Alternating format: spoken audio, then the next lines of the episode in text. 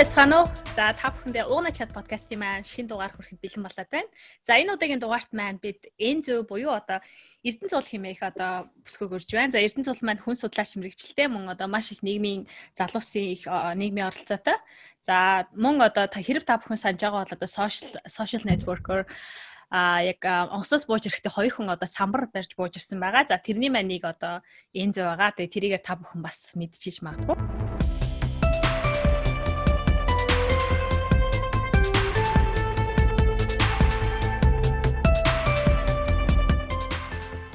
Энэ зү сайн уу? Тавтаа морил. Монголдоо. Сайн сайн баярлаа. За, Энзо маань эхлээд өөрийнхөө талаар бидэнд маш товчхон танилцуулаач. За, яг Энзо гэж хэм бэ гэдэг талаар маш товчхон танилцуулаач. Эхлээд. За, юуны өмнө намайг өнөөдрийн подкаста урилга өгчээс оролцуулж байгаад баярлалаа. Аа, тэгээд намайг Эрдэнэ зул гэдэг Доронт аймагт төрсөн. Тэгээд Доронт аймагт ахлах сургуулаа төгсөөд дараа нь муйста Монгол Улсын сургууль төхөн судлаа ангийг 2013 онд төгссөн.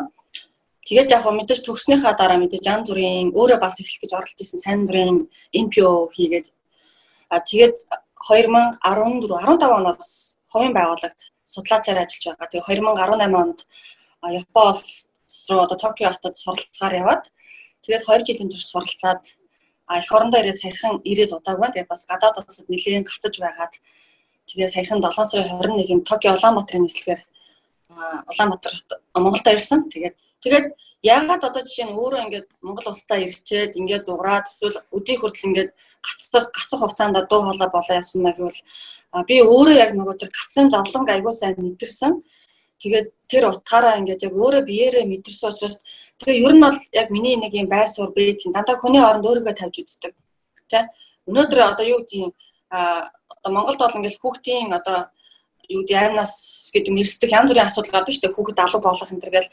Тэгэхэд бол хүмүүс одоо ихэнх юм шүү зарим нь мэдээж ингээд өөрөөсөө ингээд тусаарладаг те надад л тохиолдоогүй юм чи ингээд тэгвэл би шууд ингээд хэрвээ миний хүүхэд одоо би өөрөө одоо хүүхдгүй ч гэсэндээ хэрвээ би ингээд хүүхдтэй болчоод миний хүүхэд ингээд алга болвол яах вэ? Миний хүүхэдтэй ийм юм тохиолдох юм уу? Дандаа ингээд яг өөр дээрээ тусгаж авдаг нэг ийм бод би бол яг ийм сэтгэхүйтэй тэр ч утгаараа. Гэхдээ сая бол яг өөрөө ингээ гацаад энэ олон 4 5 сарын хугацаанд ингээ гацсан. Тэгээд яг ингээ дуу хоолойд болоод явчихлаар хүмүүс маш их ханддаг ханддаг болчтой юм байна лээ. Тэгэхээр ингээд хүмүүсээс тэр болгоных нь ингээд зовлон зарлалыг сонсон, хуваалцсан, ярилцсан. Тэгээд бид нар чинь уйлгуудаа уулж, дуулах үедээ дуулж явж исэн болохоор ингээд а би бол ингээд за би болчлоо гэж ингээд суухал надад бол яг миний хувьд юм ингээд байж боломгүй зүйл. Яг тэрөө тэгэх юм бол би яг өөрийгөө алдах Тэгээд ингээд дуу хоолой болоод явж байгаа. Тэгээ шантраг үе зөндөө байгаа. Гэхдээ зүгээрээ тухайн одоо гадаад улсад амьдрахаар бас хүн тухайн одоо амьдарч байгаа орчин нийгмээсээ а яг одоо ямар нэгэн зүйлийг одоо сурж өөртөө нааж авдаг те ялангуяа одоо өөр соёл дасна болохоор. За чиний хувьд одоо жишээлбэл чи ингээд авчхан хэлвэл Японоос Японы соёлоос чи яг а юуг өөртөө нааж авч чадсан бэ гэж бодож байна. Юу ч хэлсэн ингээд бүх хүмүүс ингээд за хичээгээр гамбаттай гэл ингээд амар тэгэхээр ингээд бүр урам ингээд авдаг. Монголд болохоор яг би нөгөө Монголынхаа соёлыг бол үгүйсгээгүй шүү. Гэхдээ ер нь бол ингээд аа за за чи чадахгүй бол болж болж би дараа хийж чим та. Эсвэл ингээд яадаг ш та. Японд болохоор тэгэхгүй чи чаднаа чи заавал энийг чи чадна тий. Тэгээд хэрэв үнээр чадахгүй юм бол ахаа зааж өгдөг. Тэгээд за чи одоо хийдэ гэл тэгэл хэлгээл бүр ингээд суртал нь ингээд ягаал тэгэл ахаал чи ингээд хичээгээр илүү хичээгээр дандаа хичээгээр гэж хэлдэг. Тэгэхээр тэр үгээр нөгөө хүнийг одоо хүмүүжүүлэх юм үгээр хүнийг одоо юу гэдэг баялаг болгохын тэр юмыг бол өөртөө амар наачсан. Тэгээд одоо би ч гэсэндээ нэг амар тэгж хэлдэггүйс ш найзуудаа ч юм уу. Ялангуяа яг энэ хүнд цаг нөхцөлдөө бол ингээд хүн болгон тэр урам гэдэг үгийг хайрлах нь амар чухал. Тэгээд би бол ингээд дандаа хүмүүсрийг хичээгээрэй гэж хэлдэг. Хүчтэй байгаараа хичээгээр. Тэр миний яг Японоос яг мэдээж олон зүйл олж авсан. Гэхдээ хамгийн чухал нь бол би биндээ өгөх тэр урмын үг тэр сэтгэлээсээ байна уу сэтгэлээсээ бус байна уу хамаагүй үг өөрөө нэг энергитэй гэж ярьдаг шүү дээ. Тэгэл яг тэр үгийн цаанаасаа л ингээл гоё юм ороод гоё энерги болж игдэг. Би өөрөө нэг соёл тэгээ хүн судлаач учраас надад бол яг олон улсын соёл тэр дундаас Японы одоо соёл бол үнэхээр өвөрмөц санагддаг. Тэгээд яг Япон явсан зорилго маань болохоор яг сурах гэхдээ давхар авсан ингээд тухайн тэр одоо орны Японы соёлыг бас ингээд маш их сонирхож байсан учраас Японд руу Японыг зорж явж исэн. Тэгээд яг мэдээж би сурсан, цагийн ажил хийсэн, тэгэл сайн дурын ажил хийсэн. Яг ингээд маш олон зүйлийг ингээд хийгээл ингээд үзээд туулаад явж байхад ер нь гэхдээ хамгийн анхны төрсөн сэтгэлдэл болохоор нөгөө нэг уучлаарай гэдэг үг.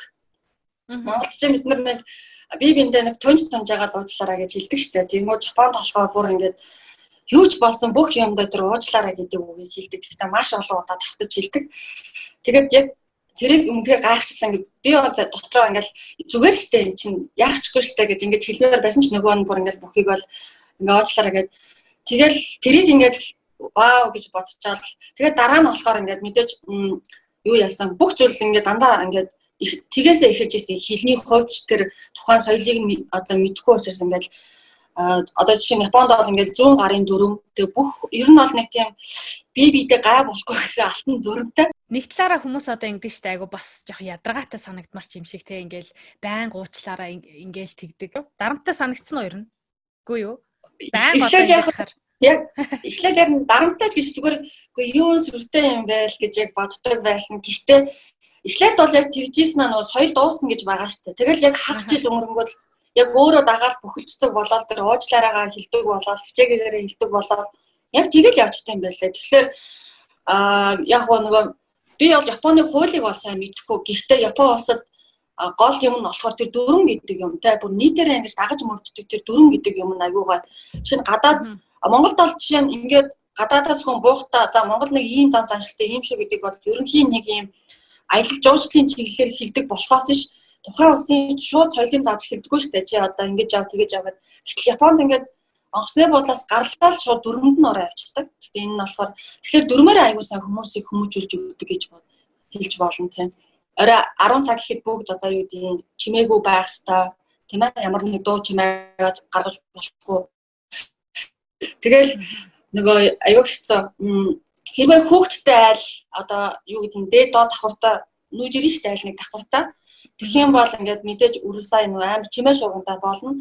Тэгэх юм бол нөгөө айлууд их тэртэй учраас тэр айл эзэгтэй ингээд эхнээсээ ингээд анханасаа одоо юу гэдэг гимээ ухаараач гэдэг юм бүх айлуудаа бэлэг өгдөг ингээд манайх энд сайн нүүж ирлээ ингээд манайх юм бүгдтэй маа тэг орой жоохон шуугаж магадгүй шүү ингээд уучлаарай тусалж дэнжээрэй гэдэг ингээд явдаг. Тэг бас тусалж дэнжээрэй гэдэг үг аим байгаа. Тийм. А за энэ зөв Японд ажиллахдаа түрүүн шиг онцлоо шүү дээ. Одоо ингээд цагийн ажил хийж үзсэн гэдэг За тэгэхээр одоо яг цагийн ажил хийж үзэхэд жишээлбэл яаж одоо цагийн ажил болох юм бэ? Тэгээ яг цагийн ажил хийж үзэхэд одоо ямар туршлага хөрөмтлөлөв те мэдээж эн чинь нөгөө одоо өөрөөсөө одоо тухайн одоо мэдгүй хэлээрээ тэгээд очиод бас нэг олон одоо удаан хугацаа өнгөрөөгүй байхад ажил хийж байгаа шүү дээ. За тэгэхээр энэ бол бас нэг амаргүй бас байсан даваа байсан гэж магадгүй. Тэгэхээр энэ талаараа бид нар зүгээр одоо тий манай уншиг сонсогчдод те хэлэхгүй юу? Аа. Аа. За асуулт бол гоё гоё асуулт байна. Яг тэгэхээр нөгөө би ч н одоо их сургуулийг 13 онд төгсөн гэхээр 2009 2010 онд яг цагийн ажлын тухай нэг бодож бодож байгаагүй. Тэгээд яг би сурах явтал гэсэн нэг тийм зарчимтай байсан учраас тэгэл төгсөөл янз бүрийн юм хийж ягаад тэгээд нэг компани үнцэн ажилтан болоод тэгээ ажиллаж исэн учраас яг нөгөө цагийн ажил бол хийж үзээгүй. Тэгээд Япон улсад очичоод одоо би 27 28 удаа ингээл очичлаа гэдэг чинь тэгэл яг ингээл бүгдээ тгээс эхэлж байгаа юм чинь даа Тэгээ яг мэдээж хамгийн ихэнд бол яг ингээд хэл муу нэгдүгээрт тэгээ Японоч сайн мэдгүй ч юм уу Токио хотоо сайн мэдгүй байсан учраас а ер нь бол хэлгүй хүмүүс яг шат амжилгаараа л явд юм байлаа. Тэгэл хэлэн сайжир тусам ажил нь ингээд сайжир явдаг. Тэгээ яг нөгөө монголчуудтайгаа бол эхлээд нэг үйлдвэрт бол ажиллаж исэн. Тэгээ нөгөө дэлгүүрийн бараа мараа ингээд савладаг. Тэгэл а тэрэнд бол ингээд бараг 4 5 сар хавцаа ингээд ажилласан. Тэгээд яг би ер нь бол ингээд дандаа өөрөө өөртөө нэг жилд нэг удаа хагас жилд нэг удаа юм анализ хийдэг байхгүй юу ингээд за эдийн хугацаа өнгөрлөө. Энэ зүүж юу гэж бүтээ гэдэл тэгээ яг тэр тэрэл зарчмаараа бас ингээд нэг өдөр ингээд цэцэрлэг төрөл нь гадаа сууж байгаа бодвоо ингээд. За ер нь ингээд 5 сарын хугацаа өнгөрлөө юу хийж бүтээвэ хэл яваа гэж өөрөөсөө асуухгүй тэгсэж надад яг юм дээрж сайрцсан зүйл сайнцсан зүйл ерөөсөө байгаагүй. Тэгээд за одоо тэгвэл би яах ёстой вэ гэж өөрөөсөө асуугаад тэгэл яг мэдээж хэлээ сайжруулахын тулд хэдий Японд байгаа ч гэсэн дахиад тэр нөгөө ажлын орчингоо би солих хэрэгтэй байсан. Да Япон хүмүүстэй ажиллаж хэлээ сайжруулах хэрэгтэй. Сургууль дээр бас ингээд өдөрт 3 цагийн л Япон ч юм ордог учраас ингээд байнга ийм одоо харилцаанд орж иж те одоо юу гэдэг нийгмийн харилцаанд гэдэг чинь хүмүүсийн харилцаанд орж иж нөгөө нэг хөлийг аюул сайн сайжруулдаг шүү дээ. Тийм шүү. Тэгээд энийгээ одоо хилээ сайжруулахын тулд би ажлын байраа ойлгох хэрэгтэй ойлгосон. Тэгээд бас Японч жоохон стресстэй бөхчим газар тийм учраас миний хүрээлэл амар чухал. Одоо Монгол хүмүүстэйгээ найзлан ч гэсэндээ ингээд яг хинтээ яаж найзлах уу, ямар хүрээлэл донд орох уу гэдэг маш чухал. Тэгэл дээрээс нь ажилдаа дуртай очих, хичээлдээ дуртай очих гэдэг яг өөрөө өөртөө аз жаргал тийм кафег өгөх тэр зүйлүүдээ ингээд бүтээх хэрэгтэй гэдгийг ойлгоод тэгэл яг хуу нэг Японы а Хоконы бекери гэдэг нэг тийм одоо кейкний газарт ингээд режигээр орсоо кофе шоп руу. Тэгэл яг гоо тэнд мэдээж 4 7 8 юм оюутнууд ингээд бүртгүүлээд тэгвэл тэд нар бол тэр чинь үйлчлэгээний газар учраас хил айгүй өндөр түвшинд чаагддаг. Тэгээ миний хил бол үнэндээ айгүй тийм доошоо байсан. Тэгээд за яах вэ гэж бодоод Тэгээ бид эдийг ингээд шалгаж авч байгаа аахгүй ингээд 7 хоногийн турш ингээд ажилуулад ингээд үйлчлүүлэхдээ яаж харилцаж гэнэ үү гээл тэгээд юм зааж өгдөг ерөөс Японд чи ингээд бүх юм зааж өгнө ерөөсө тэр дадлаг хийж байгаа үгүүд хамаагүй бүгдийг зааж өгдөг Тэгэл яг би ингээд 7 хоног гэхдээ тэр болгон цалин бас орж л байдаг. Ер нь бол Монгол болохоор чи нэг туршилтын хугацаа энэ гэж заримдаа цалингүй байт юм шиг байна. Тэгэл яг яг 7 хоног ингээд ажиллаа. За одоо би яасан бол доо тэнцэн болоо гэсэн чинь ганцхан намайг авсан байсан. Тэгээ би бүр амар гайхсан юм байна хэвээр ингээд тэр буцаад октооч ингээд Япон 4 жил 5 жил болсон дандаа юм дээд сургуульд сурж байгаа лаг юм октод байсан. Тэгээ би менежерээс асуухгүй ингээд ингээд намайг ингээд тэнцүүлсэн ингээд баярлаа. Тэгээд яагаад намайг тэнцүүлвэ? Миний Япон хэл муу штэ гэдэг чинь харин. Үгүй энэ зүү чи айгуу сайн хичээж байгаа хичээж байгаа чинь тэрийг чинь ингээд үнэлсэн юм а бусад хөвгүүдэд бодвол чи тийм болохоор ахаа зан хичээгээрээ чи манад ингээд хэрэгтэй гэдгсэн багхгүй Тэгэл хэлэхээр нөр огчтын мангастай ингээл амар гоё хандсан. Чигнээс ингээд нэг үүр цадил хүлээнэ гэдэг шиг өгтөлтэй зүтгэнэ гэж ерөөсө.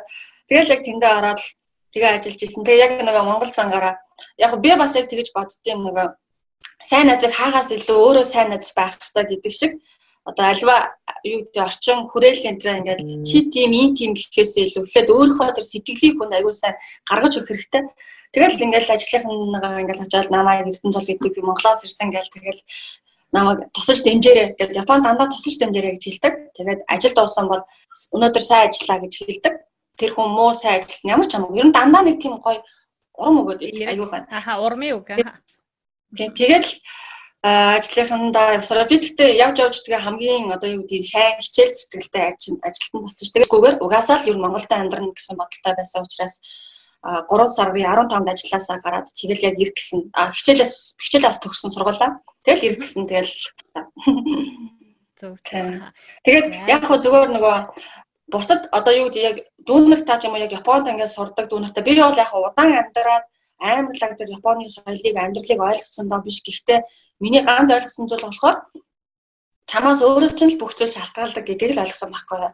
Нөгөө хүмүүсээс сонсоо гэдэг Япон хүмүүс амар стресстэй амар ядаргаатай гэдэг.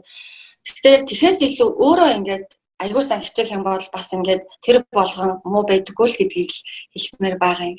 Чанаруудыг яг энэ ажлаас за чи яг ажлаасаа сурсан гурван зүйл юу байна гэдгийг надад хэлчихсэн. Яг юу сурсан бэ? Бүхэж бүхэж сурсан. Аха. Ингээд Тийм бүхэж сурсан. Тэр бол надад аягүй гой санагдаад тийм. Тэгээд хичээгэр гэдэг үгийг аягүй сайн сурсан. Энэ үг аягүй сурсан. Тэгээд уучлалт гуйж сурсан. Юу ч олсон миний буруу гэдэг дээр. Яг энэ гурван зүйлийг аягүй сурсан. Яг тэгвэл яг ингэж хийж ингэхээр уучлаарай. Би яг үйлчлэгээний байгууллага үйлчлэгээний газарт ажилласан болохоор яг цагийн ажлын хувьд яг энийг л амар сайн сурсан. А минийч буруу байсан, хинийч буруу байсан уучлах байх хэвээр. А тэр бүхий жина гэдэг нь болохоор би бүхэс нөрөө доошоо орсон гэсэн зүйл бол биш. Тэр үйлчлэг одоо үйлчлэгээ авч байгаа хүн маань ч гэсэн над руу бүхийдэг ингээд харилцан бие биенийгээ хөндөж байгаа гэсэн утгатай байхгүй юу? Тэгэхээр би хүний хөндөж сурсан гэсэн утгатай ерөөсөө. Тэгээд хүнд урам хайрлаж сурсан гэсэн. Яг энэ л гурван зүйлийг болж ирсэн ажлаа игээ сургуультай яваад цагийн ажлаа игээ ингээ явж явах та. Яг Японы одоо нийгмээс те байгаа одоо зүйлээс нь одоо шийдлээс нь за Монголд яг нэг яг нэг ийм юмыг ингээд авчираад авчираа хэрэгжүүлчихэл гоё юм байна да гэсэн тийм бодол төрсөн юм. Олон гадаад ус мөсрө бол явж исэн түүх бол надад байхгүй. Тэгээд анхны хилийн дөс одоо алхсан гадармал Японлээсээ тэгээд хүн яг ингээд гадаад гарахлаараа ингээд бүр нэг ийм сонирн болчтой юм байлаа. Одоо би бол яг тэрийг ингэж зөөрлсөн байхгүй юу? а одоо хүүхдтэй ээжүүд нэлх хүүхдтэй ээж хүүхдтэй ээжүүд нөгөө дэлгүүр хэсгээрээ гадуур гарахаараа ингээ харсан болгоно. Энэ яасан гоё юм бэ? Энэ манай хүүхдэд гоё таарах юм байна. Энэ манай хүүхдэд айгүй өөр харагдах бах та гэд нэг ийм болчдөг штеп тэгээ яг гадаад болохоор яг тийм болчдөг юм байл. Яг би болохоор ээж болж үзээгүй. Гэхдээ миний найзууд юм уу миний ингээд танил хүмүүс яг тэгдэг байхгүй. Тэгээ яг тэрийг харсыг чинь гадаад очиж яг л тийм болд юм байлаа. Монгол болохоор ч баг улсын төр засаг нь л одоо яг байгалийн ногоон бол байгаа, үзэсгэлэн бол байгаа. Гэхдээ ер нь бол юм хот тогтчлтыг бол улсал хийдэг ч юм уу те. Ер нь улсал анхаарах хэрэгтэй юм шиг. Гэтэл Японд болохоор ингээд тэр улсынхаа хөгжлийг тэр сайхан юмыг эргэн болгон хүн бүр ингэж одоо хамтдаа ингэж бүтээдэг юм уу? Тэгж аим санагдсан. Тэгэхээр би ногоон байгууламж нь бол үнээр бишэрсэн бүр бүр амар гоё тасархаа. Тэгээд энийг би ингээд тий Монгол ингээд хэрэгжүүлвэл амар гоё юм байна гэж бодсон. Тэгэл жишээ нь зогсоолын асуудал ч юм уу те ингээд зайг хэмнэхтэй чинь машин бол уг нь хямдхан мөртлөө авцсаал нэг газрын хувьд аягүй хэцүү. Ингээд тэр тийм учраас тэрийг даглаг юм шийдлэр ингээд шийдсэн байдаг. Тэгээд тэрийг ч гэсэн ингээд хараад энэ ингээ манай Монголд бас ингээд хоорондоо нөгөө би билүүгээ хараагаад чи машинаа алдвал инээ тэрээгээд авах зүйлгүй юм байна гэдгийг ойлгож ирсэн. Тэгээд дээрээс нь тэр цаг барих гэдэг юмыг амар гоё бас олж авсан. Тэгээд энийг ч гэсэн монголчууд бол хэрэгжүүлвэл би биндээ ингээ стрессгүй гоё юм байна. Миний анх хамгийн их очсон хэцүү байсан зүйл цаг барих байсан. Өөр ингээ. Тэгээд яг нөө зуны халуунд очныг хэлэхөө ингээл амжичиндал гэж бодохоор яалчгүй ингээл одоо тэгээд цаанаасаа яг ингээд тийм цаг барих алтан дүрмтэй учраас эхний ээлжинд ингээд ийм сонирн байж байжсэн сүултээ яг тэр горондоо орд юм байлаа. За за за. За чиний хувьд жишээлбэл аз жаргал гэж яг чиний хувьд юу вэ? Чи яг маш одоо товчхон тодорхойлбол аз жаргал гэж юу вэ? Би нэг аз жаргал зүгээр миний хажууд байдаг юм байл л штэ. Яа тэгэхээр нэг би яг хүн болгонд гэдэг чинь аз жаргалыг битгээ холоос чиний дэргэд ойрхон байгаа гэж ярьдаг. Гэтэ би ингээд яг тэрийг мэддэг ч гэсэндээ ингээд амар цаанаасаа л ингээл хүний л нэг юм юм чиндээ ингээ холоос ингээ хайдаг байсан. Тэгээ Японд дөнгөж ингээ буучаад тэгээд тэр гадаад гарсан хүмүүс гэдэг чинь Монголын маань салхи, Монголын үнэртэй салхи энэ төргээд нэг амар тэгдэс би юус сүртэй салхи чинь салхилж л байдаг штэ. Борооч нь орж л байдаг штэ энэ төргээл Тэгэл яг Японд босч хамгийн түрүүнд миний Монголын салхи амар том азаргал байсан гэдгийг ойлгож байгаа байхгүй. Тэгээд Японд яг борооны улирлаар очсон. Чи Японы бороочоос аюу онцгүй ордог байхгүй миний Монголын бороо амар гоё байсан юм ч юм уу. Хэсэгэн хэсэгэн энэ байгалийн энэ эд эсүүд чинь надад маш их азаргал өгч ирсэн. Тэгэхээр би энэ ингээд бүхэл зүйлийг л азаргал гэж хэлнэ тийм. Тэрийг аягүй сайн мэдэрсэн тийм. Азаргал бол маш энгийн ерөөсөө л ингээл байж байгаа. Хүн болгонд л гунж утрах ингээд сэтгэлээр унах одоо тийм үеүдтэй чи яаж өөрийгөө одоо даван тулж гардаг вэ? Одоо юу хийдэг вэ жишээлбэл? Аа эмэгтэй хүмүүс ч нөгөө янз бүрээр гаргад юм шиг та иждэг уудаг гэл ер нь хүмүүс ингээл би болохоор одоо юу гэдэг яг мэдээч хүмүүс яг надаас оюутан байхаж гэсэн тэгдэг Японч гэсэн ингээд янз бүр чи ер нь уйлдгүү чи ер нь гонглдгүү гэх. Тэгээд би юм би чи хүн юм байгаа хэвээр гэж тэгдэгсэн. Гэтэ би тэрийг ер нь бол жоохон ноочдаг ганцаараа ингээд ер нь ганцаараа байдаг. Аа тэгээд альва би юу гэдэг хэцүү яг тохиолдолд үед гарах юм бол тэрэндээ нэг өөрөө өөртөө юу гэдгийг цаг хугацаа өгдөг. Тэр нөгөө хэцүү байх юм бол хүн чинь ингээ хэцүү байна гэдээ ингээл яваад байх юм бол тэр зовлонтойгоо зуралдаад байдаг учраас жишээ нь тэр нөгөө тохиолдож байгаа зүйлийнхаа хинжээг хязгаараас шалтгаална л та. Ганц хоёр хүн намайг одоо доромжлох ч юм уу одоо муухай үгээр хэлгэл юм бол мэдээж л хүн юм сэтгэлээр байна ш. Тэгэхэд би за энэ хүний хэлсэн үгэн дээр нэг өнөөдөр л жоохон гонглжээ ч юм уу те маргаашнаас ахаа шинээр эхлэнэ ч юм уу. Тэгэл яг тэр өдрөө хинтээ харьцахгүй хинтээ харьцахгүй ч юм уу ингээл тогтшоогоо болцоод тэгээ маргааш зэрэгтэй юу ч олоогүй зэрдэг ч юм уу. Маш хүнд зүйл тохиолдох юм бол за яг энэ зүйлдээ яг ингээд нэг сард ингээд хүн чинь бас гонглох ёстой ингээд ер нь би бол тэгж бодчих. Ингээд тэгж нэ өөрийгөө амьд байгаагаа одоо хүнд дурлаад ингээд а юу гэдгийг хаягцсан ч гэсэндээ ингээд зүрх эзэнтэй байна гэдэг чинь гоё штэ ер нь бол ингээд тий гих нийтлэн ингэж бодоод ингээ хин нэг төлөө шаналгах чинь хүртэл ингээ заримдаа аюу гай аз чаргалж байна шүү. Тэгээ ингээ бодоод стрессээ гаргадаг гэдэг юм уу? Тийм яг хэцүү байвал тэрэндээ цаг хугацаа гаргадаг. Тэгээд яг тэр цаг хугацаа дуусах дахиад шинээр эхэлдэг. Тэрийг мартдаг. Surprise гинтийн бэлэг барьсан тохиолдол ямар байсан бэ? Ойрын 6 сард. Ойрын 6 сард гинтийн бэлгөө Одоо жишээ яг одоо би ч юм уу. Одоо би карантинд байгаа байхгүй юу? Одоо гинтийн бэлэг гэхдээ хараахан бараг бараг одоо тэрэн дээр юу вэ гэхэлэр би нөгөө хүмүүсээс бас ингээ гой үг авч байгаа ш. Тэр үг чинь бас бэлэг штэ. Ер нь бол маш олон хүмүүсээс угмаг авч байгаа. Сүүлийн үед бол бүр маш ихээр авч байгаа. Тэгээд бас нэг олдохгүй штэ зүйл нь болохоор нэг огт танихгүй бас нэг хүн ингээ над руутай ингээ монголчуудынхаа төлөө ингээ залуусын дуу хоолой болж байгаад баярлаа гэдэг надад а интер номоос ном захиалаад явуулж байгаа.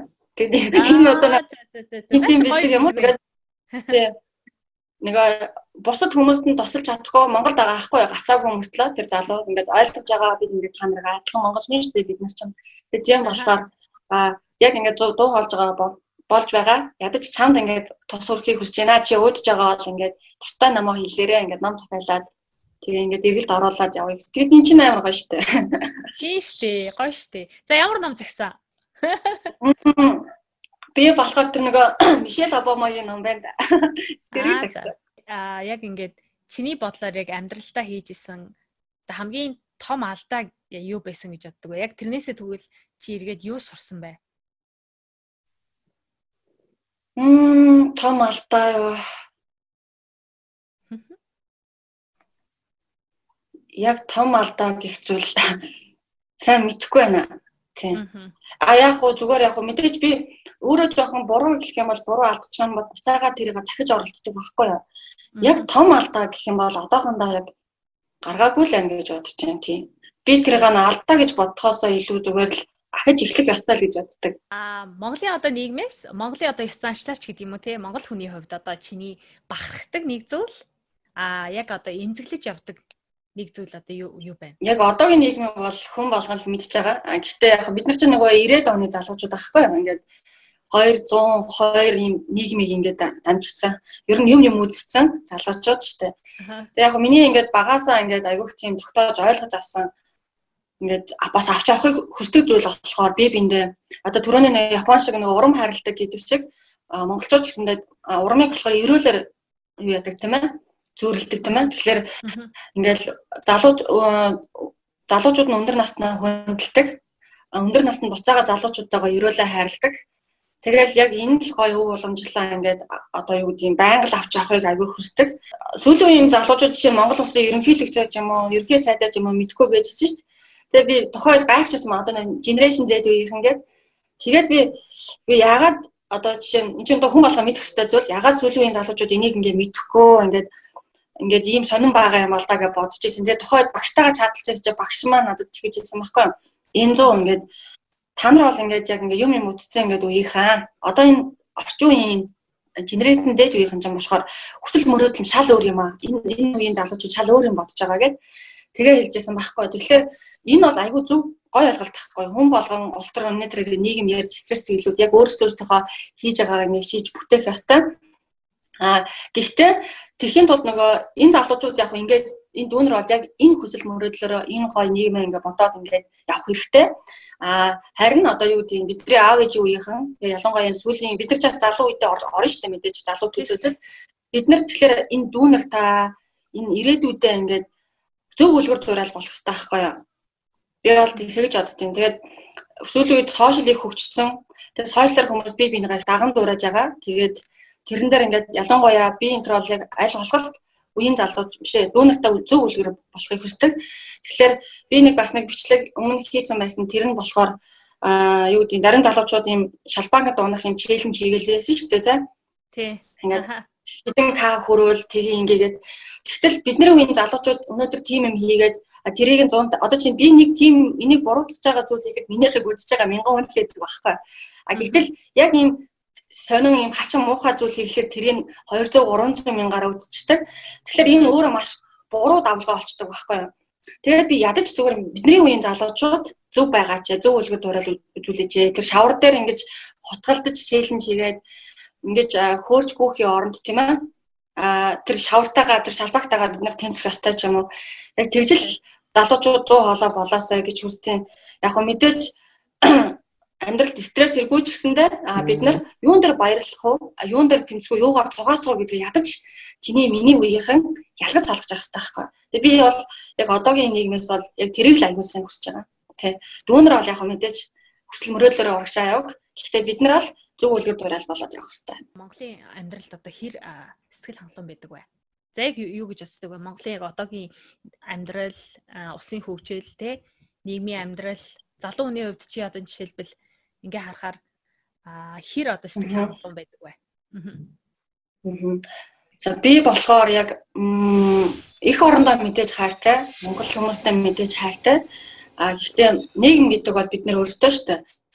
А миний сэтгэл хангалуун бол байгаа. А гэхдээ сүүлийн үед яг ямар болж байгааг хүн болгон мэдж байгаа. Тэгээ би өөрөө болохоор бас нөгөө түрүүнд дурдсанчлаа судлаач мэрэгчлэр ингээд ажилласан. Гэхдээ ер нь багасаа л дандаа ингээд хүмүүстэй ингээд уулзаад явж ирсэн. Хүмүүсийн амьдралыг их сонсч явдаг. Бас тэгээ бутгаа зөвлөгөө өгч явдаг. Бас ахиж өөрөө өөртөө юм олж авдаг ингээд сонсоол ярилцаалтай. Би бол амьдралдаа маш олон хүмүүстэй уулзаж авсан. Яг намайг одоо хэдий залууч гэсэндээ бас би яг ингээд зарим нэг арай өндөр настай өөрөөсөө ахмад гэсний хүнтэй харьцуулах бол би магадгүй би зүгээр олон хүнтэй уулзсан ч гэж магадгүй.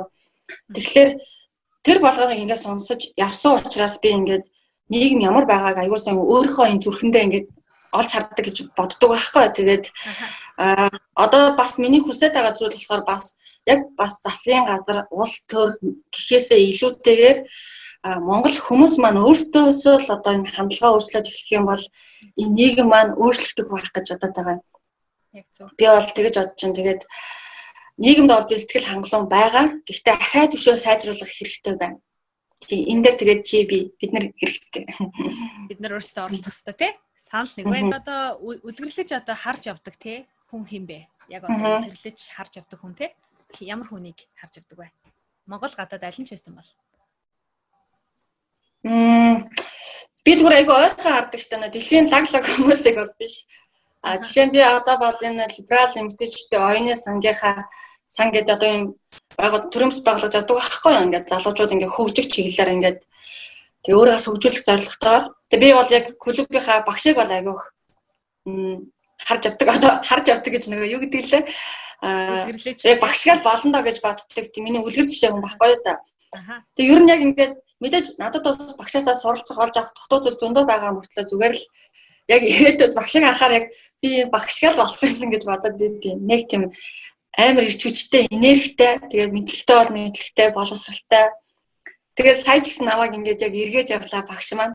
Мм сая Японд байхдаа бас нэг найзаасаа үлгэр дуурайл авсан. Гэтэ нөгөө тэмцэж явж байгаад олж авсан найз гэх юм уу. Гэтэ энийг одоо үзэл сонсоорой.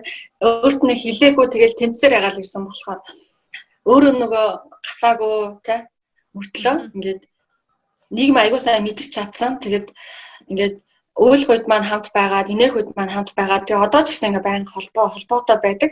Тэгээ ер нь л нийгмээ бид нэ өөрчлөх ёстой гэдгийг ингээ ойлгоцсон. Тэгээд хамтдаа ингээд дуурайж явж байгаа.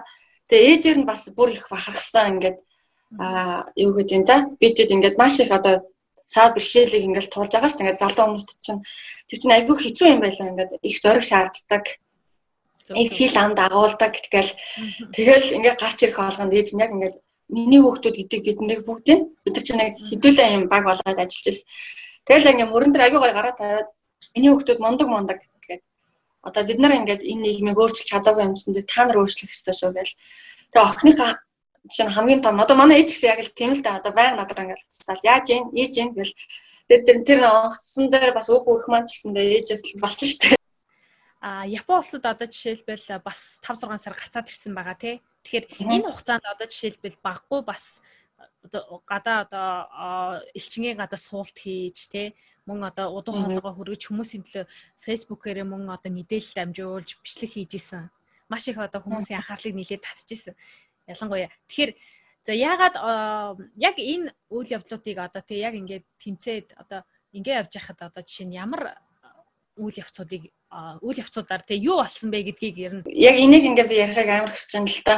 Яг нөө гацснараа бас нөгөө юу гэдэг хэцүү байсан ч гэсэндээ олон сайн зүйлүүдийг олж авсан. Өөргөө ч гэсэн бас ахаад нэмж олж авсан.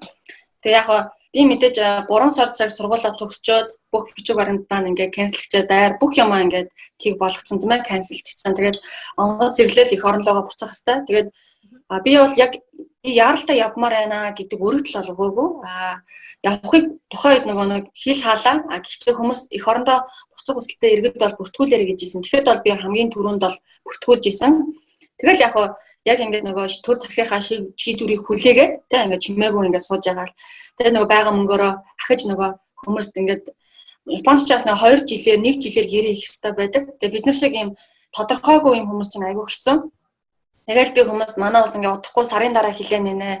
Одоо дараа сард нэн гинэ гэж хэлээл сар сараар нь төлбөрөө төлжөөл ингээл байж байгаа. Тэгээ сүултээ яг ингээл мөнгө төрөгч ингээл дуусаад тэгээ бас стресстэй байлаа. Юу ч хийхгүй яг ингээд нөгөө оршиж байгаагаа би гэдэг хүн чинь мэдрэхэ болчихлоо. Тэгээ би яг ингээд эгчтэйгээ ингээд ярьдаг байсан. Одоо манай эгч болохоор Шведэд амьдардаг том эгч маань. Тэгсэн чинь эгч надад хэлжсэн тухайд эгчийн дүү чи ингээ өөрөө нэг юм групп байгуулад Японд чи ингээ гацсан явж чадахгүй байгаа хүмүүс бол эднэрээ ингээд нэтгээд тэгээч гэхдээ би тухайд үгүй яах юм бэ те Тэгэхээр тэргүй ингээд улс маань ингээд ажиллагаа хийж байгаа хаа тий би ингээд хүлээж байгаа л явдгаараа л явъя гэж одоо тухайд бол аашаагүй. Тэгээ дараа нь бүр амар хэцүү болсон. Тэгээд нөгөө тусгай шаардлага нүндээ ингээд явсан ч гэсэндээ яг хинэн яваад байгаа нь ойлгомжгүй болоо тодорхой бос болоод жоохон Монголд байгаа хүмүүс болохоор зарим нь ойлгохгүй байгаа. Гэхдээ зарим нь бол ойлгож байгаа. Энэ чинь айгүй тийм сонин сонин үйл явдал. Тухайн яг гатж байгаа хүмүүст бол айгүй хэцүү байсан байхгүй юу? Тэгээд би нэлээд шантарсан. Тэгэхэд манай том их надад тэгэж хэлж ирсэн. Нэг орой над руу би их жугаа ингээд уйлсан байхгүй ойлаад ингээд хэцүү байна энэ төрөйгээд бичсэн чи. Манай их над руу нэг юм зураг явуулсан. Тэгээд тэр нь тэр надад амар том хүч өгсөн. Юу вэ гэхээр юм харанхуй юм нөхөн дотор ингээд нэг эмхтэй унтсан. Тэгээ нэг нь болохоор яг тэр нүхтэйгээ харанхуйтайгаа ингээд эвлэгдсэн. Ингээд суугаад байж байгаа байхгүй хүлэн зөвшөөрөөд. А нөгөөдг нь нөгөө талд дахиад юм хан усгсан. Яг түрүүний ярьдаг хан шиг харах өнцөг шиг нөгөөх нь болохоор тэр хизүү зовлонтойгоо тэр нүхнээс гарах гад ингээд дээшээ тэмцэж байгаа. Тэгээ их ч надад хэлэхдээ би чамайг яг одоо энэ сууд доошоо ингээд зовлонтойгоо ингээд юу гэлээ одоо хүлэн зөвшөөрөөтэй ингээ гуниглаа сууж байгаа нэмэгтэй гэж бодохгүй байна те. Хчин дөө яг энэ дээшээ авирч байгаа энэ нэмэгтэй шиг бид би чамаа боддог шүү. Тэгээд хчин дүүтэй хайртай шээ гэж хэлсэн. Тэгэл би маргаашнаас амар тэмцэж болсон. Тэгээд хайж эхэлсэн нөгөө гацыг хайж эхэлсэн те гэртээ арих гацыг. Тэгээд тэр нөгөө Японоос гацсан иргэдийн групп интерлөө ингээл ороод өмнө бол би тэр группт нь ороочгүй байсан группт нь. Тэгээд нэг хитэн залуучууд ингээ хэсэг баг болцсон ажиллаж байгаа юм байна. Би тэрийг олж харчаад мессеж хийсэн ингээд уучлаарай намаагаас энэ багтаа аваач ээ. Би ч бас ингээд оролцоод ингээ явъя надад чадах зүйл байна гэх. Тэгэл окей чи ороод иргээл. Тэгэл орсон нэг удаа ингээл тэмцэн. Тэгээд яг хуу яг энэ корона ч ер нь бол яг хүн хийдэг яг тэр нөгөө юмыг аюулсаа ойлгож өгж байгаа үү штэ. Тэгэл яг хуу нэг удаа юм тэмцэл ч юм уу юу гэдэг нь жагсаалч гэдэг юм уу да нэг тим юм хийсэн. Гэхдээ тухайн үед хитрхэн ингэж одоо дөвийлгэж байсан хүмүүс нь яваад гисэн. Би бол яваагүй л дээ.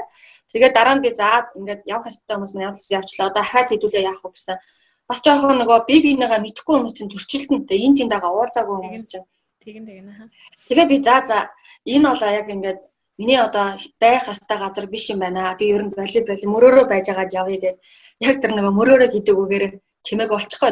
Тэгэл яг хуу ахаад нөгөө тусгай өөргөө онгоцоо хүлээгээл сонсон. Яг ингээд дахиад нэг сар хүлээгээд тэгсэж яг үнэндээ м ахаад нэмээд хэл чи нөгөө би Японд тэр нөгөө амхандаа би ч нөгөө гадаад улс руу зорсон зорилго нь болохоор боловсрол олж авах гэж явж байгаа шүү дээ. Эх орныхаа шаардлагад нийцгээд.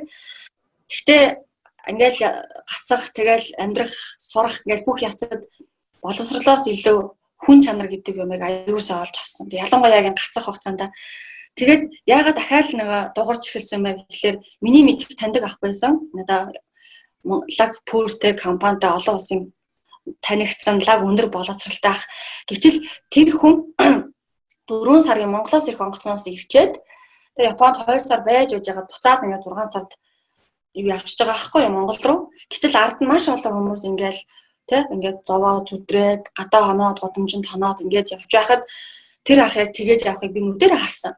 Тэгээд тэр ахыг үнэлэх миний үнэлэмж маш их болсон. Хүнд ер нь боловсрлоос илүү хүн чанар гэдэг юм байх хэрэгтэй юм байна гэд. Тэгэл яг дээрээс нь тэр хүнийг харсан эмчэндээ энэ бол шудраг бус юм байна гэж ойлгосон байхгүй яг ингээд хэрэгтэй тэр одоо зорилттой бүлгийн хүмүүс нь явахгүй байгаа юм гэж бодоод тэгээд дахиад дахиж эхлэхийг хүссэн. Гэхдээ би өөрөө эхлэхийг хүссэн. Өөрөөсөө эхлэхийг хүссэн. Тэгээд тэр групп дахиж хүмүүсийг хайсан, залуучуудыг хайсан. Тэгээд ингээ ганц хоёр залуучууд руу холбогдоод чи үнэхээр гэртээ хармаар байна уу? Бид нар ингээд бусдынхаа дуу хоолой болох хэвээр гэртээ байгаа энэ өндөр настай өвөө ямаа чинь ингэж дуугарч чадахгүй, жирэмсэн энэ халуун дуугарч чадахгүй бид нар чинь тэгээ тухайн үед яг сонгуульч бас ингээд давтцсан байсан учраас бид нарт маш их нийгэм шахал дарамтууд ирж ирсэн байхгүй юу? Үгээрч байсан, үйлдэлэрч ирсэн.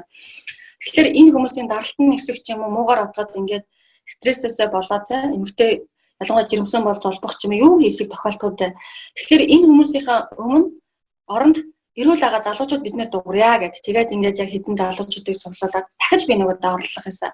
Тэгээд яг юм 10 хүний багтай баг бүрдэлтүүлээд тэгэл яг л гэртээ харихын тулд юм компани шиг л ажилласан. Хоёр нь судалгаагаа хийгээд хоёр нь ингээд коронавигоо судлаад хоёр нь хууль судлаад а би чинь гадаад харилцаагаа аваад хоёр нь сошиал харилцаа ч юм уу тэгж тэгэж ингээд шаардлага тавиад ингээд ингээд явсаар байгаа л гэртээ ирсэн те а бид нар гэхдээ айгүй тийм хэцүү цаг үед яг юу ячлаа л дасаа ингээд корона яг ингээд гараад тэгээд нийгмийн баг тийм одоо маш том хатуу хатуу тэмцэлтүүдтэй ч юм уу тэгээд нэг юунд болохоор одоо гадаад гацсан иргэдийн ганц тулгараад байгаа асуудал нь болохоор одоо ялварлан гадуурхал гэхгүй юу. Ерөөсө дотоод гадаад гэдэг ингээ хоёр тийш хуваагдсан. Тэгээ гадаад байгаа хүмүүсийнхаа ингээд одоо миний одоо мэдэх төр ялварлан гадуурхал гэдэг үг өмнө бол арьс өнгөрөл гэж би ойлгодог байсан. Ер нь бол те. Тэгвэл нийгмийн байр суурь гэдэг тэгсэ чинь яг огт сонсож байгаагүй нөгөө гадаадх монголчууд дотоодх монголчууд гэдэг тийм том ялварл гараад ирэхлээр бүр амар санагдчихсэн. Тэгээд үг барьж зогсох тийм амар бишээ. Угаасаа тэгээд би яг яг өмнө нь болохоор нэг Монгол тахта хүүхдийн хүчирхийллийн эсрэг бол үг энэ барай зогсож исэн болохоос ш. Яг ингээл гэртээ харий гэдэг тийм одоо үг энэ төр барай зогсон гэдэг бол амар шигтэй төсөөлж байгаагүй зүйл шигтэй. Гэхдээ эндээс ичих зүйл байгаагүй. Энэ бол миний эрх те би мэдээж үүргээ мэднэ үүргээ биелүүлдэг. Гэхдээ би бас эрхийнхаа дагуу би тэмцэхтэй гэхдээ манайхан ингэдийн жагсаал гэдэг амар сүртэй ингэж хүлээж аваад байт миний хувьд бол жагсаал гэдэг чинь зүгээр л юу гэдэг юмыг зарч сайжруулах гэсэн хөлбөр юм уу да. Би бол тэгж ойлгож байгаа тий. Тэгэл явж исэн. Тэгээд хүмүүсийн хэлэх үг тэгээд ялангуяа Монголд байгаа найз нөхөд ойлгохгүй танилуд хамаатан садан ч гэсэн ойлгохгүй юу их байсан. Тэр болгонд яг одоо нөгөө байгаа залуучууд маань ингээм хамт байсан. Найз маань ээж байсан. Манай гэр бүл байсан ч юм уу. Тийм. Амар л тийм luck challenge энэ байсан юм бол ахгүй зүгээр тухайн тухайн үедээ бэрхшээлийг давж байгаа мөртлөө бэрхшээлээс олж авч исэн зүйлүүд мэдэрчээсэн гоё зүйлүүд байсан. Тэгэл тэр. Тэгвэл эцсийн сайдын яамны зүгээс та хэдийг нилээн одоо сайн сонсож тусал дэмжиж хүлээж авсан уу эсвэл одоо тэр тал дээр хэр хүлээж авч ирсэн бэ? Хүмүүс бас нэлээд шүүмжтэй зарим нь хандаад байгаа тийм. Яг хөө өмнө би Японд байхдаа манай элчин сайдыг яамархан жоохон хүн зурталтай гэж сонсдог л байсан. Гэхдээ би өөрөө бас нөгөө сайндрын ажил хийдэг байсан учраас элчин сайдын яамны нэг ганц хоёр сайндрын ажилд оролцож исэн. Тухайн үед бол зөв бидний ажлын харилцаа гэдэг утгаар бол нэг ийм тийм гэж ярихт нь би гайхдаг л байсан. Тэгээд сая бол яг үнэхээр гэртээ харихыг хүссэн л ард иргэд байсан. Тэгээд ялангуяа төрийн байгууллага бол яг иргэдээ иргэдээ үйлчлэх ёстой. Нөгөө нэг яг хөө мэдээж тэр байр суурь нь бол өөр л ахалтай өөртөө болохоор дипломат алт энэ төр гэжсэн. Аа гэхдээ яг одоо нэг нөхцөл байдалд бол төрч бай, ерөнхийлөгч бай, улсын хурлын гишүүдч бай бүхэн ард түмнээ нэг тавьж ажиллах ёстой шүү дээ, тийм ээ. Тийм шүү дээ. Тэгэхээр эхний ээлжинд бол яг айгүй сайхан хүлээж авч ирсэн. Тэгэл ойлголоо та нарын юуг ойлголоо өнөөдрээ гэдэг. Тэгээ сүүлдээ бол айгүй хэцүү. Яг нөгөө төрийн албаны хүн суртал гэдэг юм аа үнэхээр гаргасан гаргасан. Би үнэнгээл хэлнэ танаас бол байгаад ахын байхгүй их дутуу ажилдаг юм шиг санагдсан. Тэгээ ялангуяа гадаад улсад байгаа энэ дипломат одоо энэ элчин сайдын яамдууд бол илүү эргэн төвтэй байх хэрэгтэй юм болоо. Өнөөдөр ингэдэг штэ. А дэлхийд дээр жишээ нь за мэдгүй нь Америк жишээ нь би ганцаараа очлоо гэхэд одоо хоёлаа гэхдээ хоёлаа би бинийхээ танихгүй штэ тийм. Гэхдээ л хүн юу гэдэг ганцаараа очлоо гэхэд би Европ хүнээс илүү Аз хүнээ бараад ич нэг огт танихгүй мөртлөө нэг өнгө ижил хүнэ. Яг энэнтэй адилхан жишээ нь гадаад улсад байгаа Монгол иргэд бол элчин сайдын ямаал бараад нь. Тэгээ энэ үед нь л сайхан туслаад дэмнээд юу гэдэг гэрэл болоод тэгээд нэг харанхуйд нь гэрэл болоод ингээ эрэхэндээ би дарга би тэрэг гэхээсээ илүүтэй өргөжлөх ёстой л гэж бодсон. Гэтэ яг тийм зүйлийг бол манай элчин сайдын юм бол үнэхээр гаргаагүй. Бид эдтэй маргалдах үе зөндөө байсан. Ингээд биднийг юу гэдэг нь те одоо энэ пост бичээд бусдыг урайлаад түрхрээд байгаа хүмүүст хариуцлага тооцсон энэ төргээ ярьж исэн. Тэрийг бол би ойлгоогүй. Би гэртэл харахыг хүссэн хүн энэ хүмүүс ажиллаа их ёстой. Тэ. Тэгээд яг одоо яг ийм үед бол би дарга гэж суух бол үе биш. Бид нар нэг Монгол бид нар нэг арт түмэн гэж л ярих хэрэгтэй байсан. Тэгээд одоо ч гэсэндээ ингээд хөтгөлж чадаагүй иргэ зөндөө бай. Хуцаа авдаггүй. Тэ. Тэгээ авахараад иргэдээ загнаад идэг ч юм уу их соно. Би бол тэрийг өнөхөр ойлгохгүй байна Тэг би бол аливаа ажилд сэтгэл гэдэг юм бай заавал байх ёстой л гэж боддتي. Тийм. тэрнээс одоо энэ лаг лаг мэдгүй мундагтаа нэг тийм ажлыг одоо ер нь лаг хийн гэсэн үзүүл байдаг юм шиг. Ажилдаа хэр сэтгэлээсээ хандж яана гэдгээсээ л хандлага их харагддаг багтмаа. Зөндөө олон хүмүүс өмнө одоо хичнээн нислэг ирсэн байгаа шүү дээ.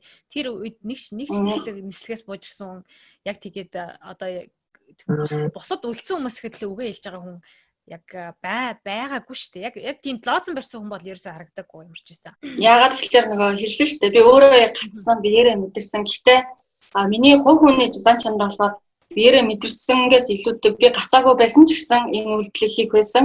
Энэ зүйлийн төлөө явах байсан байх гэж боддتي.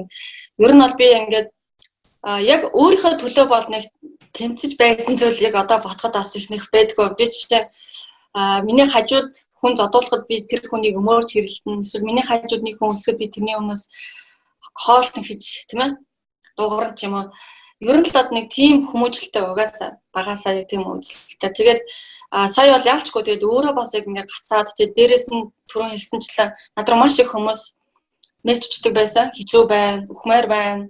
Нэг охин урдл ингээд Япончтой ингээд айгүй хэцүү байна ингээд байр, мөнгө бүх юм ингээд зогсцсон. Тэгээд а юуны төлөө амьдарч байгаагаа мэдхгүй болчлоо. Тэг би бүр ингээ амиа орломоо байсан. Гэхдээ таны постуудыг ингээ хараад урам авлаа гэж ингээ хэлэх юм уу та. Тэгээд Солонгостоос нэг их чинь хүн өөд болсон. Тэгээд тэр их чаас ингээд надад мессеж чижсэн. Ингээд хүмүүс маань ингээд өөд болсон 49 цоног ингээд болж байгаа. Ингээд юу ч гэж хинч буруу өгөхөө мэдэхгүй байна. Гэхдээ ингээд та нар ингээд дуурах хэрэгтэй шүү те. А их чинь ингээд хүүгийнхаа 49 хоногийг ингээд өнгөрөх гэсэн. Энэ Япон солонгосоос ингээд мөнгө шилжүүлж болдог бол ингээд энэ одоо энэ тэмцэж байгаа залуус та нарыг дэмжиж байна. Их чинь метроны мөнгө ч болтохоо ингээд илгээж болох ч юм уу яг ингээл тийм гой гой мэдрэмжүүд гацсан Монгол хүн уг нь тийм шүү дээ. Би биэндээ ингэж тусалдаг. Хэцүү үед нь хань болдог, урам хайрладаг, хараал биш, хөрөөл хайрладаг. Тэгэл яг ингээд зөндөө бол нэг эмээ хүртэл надруу баян мессеждэг. Тэгээ саяхан хүртэл нэг эмээ тийм шүний өөрийн 4:30 хүртэл Швейцарт гацсан эмээтэй ингээд ярьсан. Ингээл ээж нь хүнд өвчтэй Монголд байгаа. Тэгэл ирч чадахгүй гэл яг ийм тиймгүй юмудыг сонсохоор би яаж ингээд зүгээр суух юм бэ? Тэгээ ард тийм олон хүмүүс байна шүү дээ. Тэгээ Японы хувьд яг анханасаа бид нар эхлээд тусгай шаардлага хүмүүсээ дуусах. Миний одоо миний жишээ намайг хүмүүс яагаад ирсэн гэж бодоод байгаа ах залуу хүн гээд. Тэгэнгүүт Японд болохоор тусгай шаардлагын хүмүүс ерөнхийдөө бол дууссан гэж бид нар ойлгосон. А анх шаардлага тавтаач гэсэндээ бид нар явахгүй. Бид нар барьчихгүй. Дараа л дараа явна. Эхлээд энэ хүмүүсээ дуусгаад өгөөч дараа нь залуучууд руугаа ороорой. А гэхдээ анх бүртгүүлсэн нэрсээрээ ороорой гэсэндээ би бол ерөнхийдөө 3 сар бүртгэлээ баталгаажуулсан байсан. Тэгээд ирсэн. А дөрөнд бол бас надад явах одоо боломж гарсан 7 сарын 4-нд. А тэгэхэд яг ингээл гэртээ харихыг маш их хүсчихсэн мөртлөө яг тэр онцны бодол дээр хоёр суудл ингээд кэнслэгдээд тэгээд хөвчин сайдын тэр консул ажилтаа ингээд за эрдэнэ зулаа чи энэ ингээд онгоцоор явчих явчих. Тэгээд нэг бас ингээд судал кэнслэгдэж магадгүй чи нэг хүн ингээд аваа явчаарай. А мятай ажилтнанд хэлсээд тэгээд тухайн үед би хэрвээ амиа боцсон нэгэн байсан бол би шууд цугаал авчих гэсэн хинч энэ мэдээлэлээр хэлэхгүйгээр та Гэхдээ би хийх ёстой заавал. Тэгээд би тэнд нөгөө хүмүүсийг гаргаж өгөхөөр ирсэн байсан хүмүүсээс за хоёр судал кэнслэгдэж байгаамаа ингээд хамгийн хэцүү хоёр хүн нь ингээд явах юм байна. Гэт ингээд хэлсэн чинь яг хажууд нэг охин уйлсан байхгүй юу. Тэгээд уйлдаад ингээд би ингээд нэг хоёр хүүхдээ ингээд Монголд ингээд үлдээгээд ирсэн юм аа. Ингээд намайг явуулж болохоо гэд тэгтэн би бас ингээд бүгд ингээд тэндээс юм тагаа уйлж байгаа юм чи. Тэгээд би тиг тиг чи яв яв гэж тэгсэн. Чи явж болно болно гэд. Тэгээд тухайд дахиад бас нэг охин байсан. Надад амар энд ингээ хэцүү байна гэдэг яг тийм хоёр охин гарахт нь надад бол бичиг баримтанд байсан паспорт маань гадаад паспорт маань би шууд л ингээ суугаа авчих байсан. Тэгэхэд тухайд ингээд би ч бас тэгээд яг нөгөө өөрийгөө аргалал яваад байдаг хаа явсан газар. Манай найд нэг нас гэж энэ ч бол хаач өлсөхгүй царайтай гэд. Тэгэхээр би өлсгүйгээ тийм ингээд ямар ч гэсэн ингээд хүн зөв явбал угаасаа буян цагаан төвчдөг штэ. Тэгээ би тэр хоёр охинд За за би паспортаа гэртээ мартчихжээ. Тэгээд та хоёр яв яв гэд. Тэгээ би дөрөв онгоцоор тэр хоёрыг авалсан байхгүй. Гэхдээ би энийг хинч зарлаагүй. А тухайн үед хамт байсан хүмүүс маань л мэднэ. Монголчуудын нэг зарим хүмүүсийн шүү ингээд сүүлийн хандлага болохоор хүн тусыжайл тэрийг гаргахуулаад идэг та ингээд айгүй хэцүү мөнгө өгтөө хүртэл зураг авуулаад идэг. Би болохоор яг тийм юмыг угаасаа хүн тус хүргэсэн юм чинь тэр хүн л өөрөө юм бодоод яа нүг гэхээс бол би нэг хариу нэхэд авах шаардлага бол байхгүй шүү дээ. Тэгээд дөрөвнийх дууссан. Тэгээд дараа нь 21-ний одоо нислэг ирэхээр болоод тэгээд элчин сайдын ажилтан надтай холбогдоод Тэгээ надад миний нэр олсон хэлсэн. Тэгээ би тусгай шаардлага хүмүүс маань бүгд дуснаа жирэмсэн эмэгтэйчүүд өндөр наснууд маань багцнаа гэсэн чинь тийм ээ бүгд багцсан босоо одоо чи яваа гэсэн. Гэтэ надаас баг залхсан баха баг. Аа хурдан шиг явуулъя л гэж бодсон баг. Тэгээд яг хуу 21-ний нислэг багтахаар болсон. Гэтэ яг 21-ний өмнөх хорионд бас ингээл Японд байдаг ганц хоёр намаа мэдхгүй хүмүүс зөндөл агаш. Тэгээд тэднээс ингээл энэ охин яахаараа явдгийн чи суудлаа тавьж үг энэ төргээл тэгжсэн. Тэгээ яг тийм бас хүн тэршилүүдэд тоосон дэд Гэхдээ тухайн үед намайг энэ зуу юу хийж бүтээсэн ч юм уу та юу хийж явсан ингээд хүмүүс агүй сайн ингээд үнэлсэн байлээ. Тэгээд бүгд ингээд энэ охин явах ёстой тий зөндөө ингээд хийхээ хийж байгаа ингээд харин ч энэ охин яваад ингээд байгаад явж байгаад нь баялж ингээд маш олон буцаад нөгөө хүний эсрэг эерэг хандлагад би пасаж нөгөө хүн нь доошлохгүйсэн. Тэгээд би ч яг үнгээ хэлсэн. А надад явах боломж байсан. Гэхдээ би өмнө нас ингэсэн одоо би үнэхээр явах явахыг хүсэж байна Яагаад гэвэл би 5 удаа нуусан байхгүй? Японд амьдарч байхдаа ингээд. Тэгэл ингээл хүмүүс тэлэл гоогаал учир айдлаа хэлээл ингээд явж байсан. Сүүлдээ дахиад утсан бол би хаашаа явахыг мэдэхгүй байсан. Тэслэг яг нэг метронд явж байхдаа ээжтэйгээ ярьсан. Ээж миний охин одоо Монголд ирэх чинь тэгээд яа тийм дугаар мугаар байд юм уу интернеттэй газар очих юм уу энэ тэгээд тэгээ би ээж дэлгэхгүй угаасаа тосч авахгүй шүү дээ. Тийм болохоор оо ээж нэрээ лайв ингээ яваад идэм байлээ телевизээр шууд лайв явдаг. Тэгтэн яг гинт санасан байхгүй. Өмнө нь бол бас нэг санаагүй би яаж туслах арга өнөхөр олох гэстэй яг ээжийг яаж холбогдох вэ гэхтэн л тэр мессеж идэг үг орж ирэхгүй юу. Аа тэгээд зөө зөө зөө зөө. Тий нэрээ ээж ийм лайв явд юм байна гэх. Тэгсэж ээж миний охин ээж руугаа ингээ даллаараа гэдгсэн аахгүй. Тэгтэн л яг ингээ толгойд тун гал нэг юм шин санаа орж ирэл. За зээж би тэгвэл тань руу ингээ даллая. Гэхдээ арай өөрөөр даллана шүү гэдэг тэр нь болохоор яг үг барьж бууя гэж бодсон. Хэрвээ магадгүй Монгол улсын талбай энэ төр барих юм бол бас яг хүнд хүрч чадахгүй байхаа үнэхээр би бол яг Монгол хүмүүстэй Монгол хүний тэр үнцэн мөн чанарт хандахыг хүссэн Монгол хүний тэр сэтгэл рүү хандахыг хүссэн. Тэгээд ерөөсөө үг барья гэж шийдээд тэгээ оройн нөгөө гатсан яг ган хідэн залуучуудтайгаа оолцсон яг ихэс өмнө Тэгээ тэд нартайгаа уулзаад ингээд надад нэг юм санаа байна. Хэдүүлээ энийг ингээд хэрэгжүүлъя Тэ улс төр засгийн газар инээ тэрэ гэхээс илүүтэйгээр бид нэр Монгол хүний тэр нөө сэтгэлд байдаг тэр зүйл рүү хандъя тэ хүн Монгол хүн рүүгээ л хандъя гэж бодсон. Бид нар чинь нэг арт түмэн юм чинь тэгээд тэгэл нөгөөд маань дэмжээл охкоо наа чи өстой гоё юм байна гэл. Тэгэл за халиуна чи хуулийн судлаараа бас буугаад баригдаад явчихвал хэцүү шүү дээ. Одоо бас нэг айгуу тийм эвгүй цаггүй болцсон. Юм болохоор барьж авна гэдэг болцсон. Аа. Тэгээд хуулийн талаас яад юм бол гээд халиунаагаараа хуулийн талаас судлалж чаал. Тэгэд бид нар өөртөө орой ирчээд өглөөний 6 хүртэл үгээ бичээд бас ямар үг байх вэ гэд уг нь бол хоёр үг бариаггүй 7 үг бэлдсэн. Тэгээд 7 залуучууд байсан баггүй юу? Бусад хүмүүсээ бол үнэхээр танихгүй. А яг дөрөвний нислэг бол бүгдийг таних байсан ихэнх хүмүүсээ. Хэрвээ дөрөвнөр явцсан байсан бол баг онгоцоор үг барих тийм боломжтой байсан. Гэхдээ даанч ингээ багтаагүй учраас 21 21-ний онгоц Тэгээ 21 онгоцсон болохоор яг тэмцэж явж исэн нэг өөрөөсөө гадна 6 хүн л байсан. Тэгэл яг тэр 6-аа за хэдүүлээ буусан ч зоригтой буу те. Ерөөсөө энэ юм бид нар явлаа гэдээ орхиж болохгүй гэдэл. Тэгэл а нэг аялын визээр ирсэн ихч маань нөгөө Нарита онгоцны буудлаа явж мэдэхгүй. Тэгээ бас нэг өөр Хоккайдогоос ирсэн нэг банд байсан. Тэгээ бид тэр хоёр маань ингээд онгоцны буудал мэдэхгүй учраас өглөө хандаа аяа гэдээ хамтдаа онсон. Тэгээ бид гур бод яг шүнжэнгөө ингээ үгээ бичээд өглөө 6 цагт болт биччихээд Тэгээ 9 гэл унтаал тэгэл маш урдаа явсан. Тэгээд өдөр нь очиод нөгөө хэд маань өөр өөр ирж байгаа тэд нартай за чи энэ үгээ барь шүү энэ үгээ барь шүү.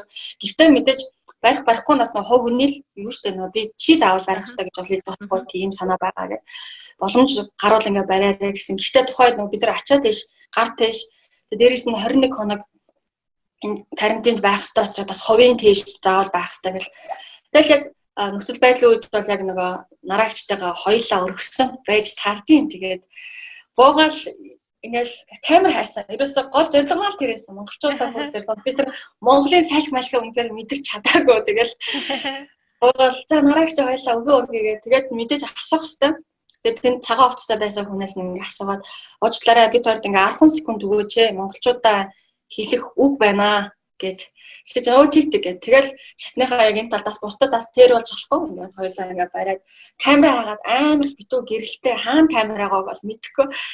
Гэхдээ бас тэгээ нэг охин маань байсан. Тэгээд тэр маань болохоор ачаа ихтэй очиж доошоо бууцсан гэсэн. Тэгэхээр тэрэндээ гуйгаад чи тэгвэл доороос зураг аваарай гэж хэлсэн. Яг бол камертаас тэр үг тодорч харагдахгүй гэдгийг бас бэ хөлбөртэй байсан байхгүй. Тэг байж магадгүй гэж бод. Гэтэ угаасаа нэг харагдааг юм билээ те. Тэгэл яг уу яг камера хайж өгөө барьчаал за баярлаа гэж яг 10 секунд гараг ихтэй болчоод буух гэж чи нөгөө ажилт нь ахаад өгч. Ста мундаг байна гэдгсэн байхгүй. Тэгэхээр за гэдэг тэгэл ахаад өргөө бус. Тэр нэг тийм л юм болсон. А хүмүүс зам цоошлоор нэлээ хандаад ингээд мэдээлэл ирүүлсэн байгаа шүү дээ. Тэгэхээр яг голдуу хүмүүсээс ямар асуулт чам руу голдуу ирж байна одоо тухайлбал яг COVID-19-тэй холбоотой. Аа яг хоо мэдээж яг тэгээд нэг онгоцноос буугаад нөгөө өглөө би нөгөө оройн постоо оруулсан байхгүй. Мэдээж гадаад гацсан хүмүүсийн би бас нөгөө одоо юу гэдэг яг зохион байгуулалтын багтаас байгаа. Тэгэхээр нөгөө хүмүүс илүү ханддаг байсан өмнө нь аа тэгээд зохион байгуулалтын багийнхандаа болохоор ингээд за нөгөөд мань би нөгөө яг нөгөө 21-ний өмнөх оройноо 20-та тэрэгдээ хэлэхгүй. Би маргааш ингээд Япон явна. Аа биш Монгол явна. Тэгээд ийм үг барих чагаа гэл ингээд ямар үг ингээ хэлүүлэх болох уу гэдэг чи манайд айгуугаа димжсэн байхгүй. Ста мондаг юм айн зүү тэгэрээгээд тэгснэ хинэж хинэндээ вэ? Зарим нь ихэнх нь гэхдээ нөгөө тэрийг биелүүлэх нь жоохон боломжгүй л гэж бодсон юм шиг байгаа юм л та ингээд Тэгснэ би яг оройн за би чадчих шүү гэдээ ингээд зургаа явуулсан байхгүй. Тэгсээ чинь вау гэл амар гоё ингээд бүгд ингээд баярлаа гэд та гоё юм чи бас ингээд боломжгүй байх гэж бодсон л юм л. Тэгээд тэгээд би яг тэр зорсон зорилгоо ингээд биелүүлж чадсан гэсэн чинь амар гоё баяр хүргээд энэ зүү чи пост оруулчих уу гэдгсэн аахгүй. Тэгээд яг тэгвэл нэг ямаа ямаа халуун дээр нь шүү дээ. Би чинь 21-нд буцаад 22-нд пост оруулсан болсон.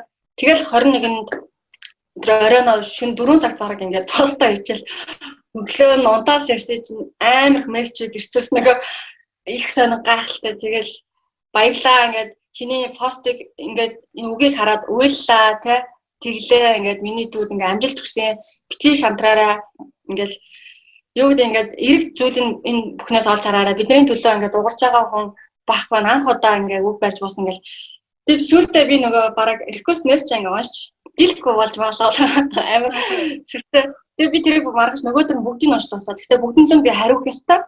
Баярлаа гэдгийг хэлэх ёстой. Тэгэл ингээл хариу өгч ирсэн. Тэгээ яг одоо ч гэсэн ингээл хүмүүс бас мессеж минь төрөжл байгаа. А гэхдээ дахиад нэг хэдэн хүмүүсээс мессеж ирдэг нь болохоор элчинд яаж бүртгүүлэх вэ? Элчин уцаа авахгүй байна. Гэхдээ Японд байгаа хүмүүс дахин хандж байна. Элчингийн дугаар байна уу гэх тээ. Аа тэгээд зарим нь болохоор өргөдөл хэрхэн бичих вэ гэдэг нэг их оронлогоо явах хүсэлттэй. Зөндөө удаан хүлээлээ нэр ордггүй хаашаа хаашаа хандахгүй гэж ч юм уу. Тэгээ баг ингээд лавлах хийгээд болохоор бүр өмнө Японд байсан хүмүүс маань их ханддаг байсан бол одоо болохоор гадаадд бүр ингээд дэлхийд амссан ингээд монголчууд маань гатцсан хүмүүс маань яах вэ вих үү гэж мэсчээл тэгэл байж байгаа. Ааха. За өргөдөлч гэдэг дээр бас сонирх хүмүүс асууж асууж байгаа гэж байна шүү дээ. Тэгэхээр чи зүгээр айгүй товчхон одоо ямар өргөдөл бичих гэсэн вэ? гэдгийг зүгээр айгүй товчхон хүмүүс одоо энийг үзэж байгаа хүмүүс байгаа бол тий гадаад гацсан хүмүүс байгаа бол бас мэдмээр байгаа дээ. Тэгэхээр чи яг энэ процессыг даваа гарсан чинь яг товчхон хэлэхгүй дээ. Яг өргөдөл дээр одоо тухайлбал ямар байдлаа яг товчхон яаж бичих юм бэ?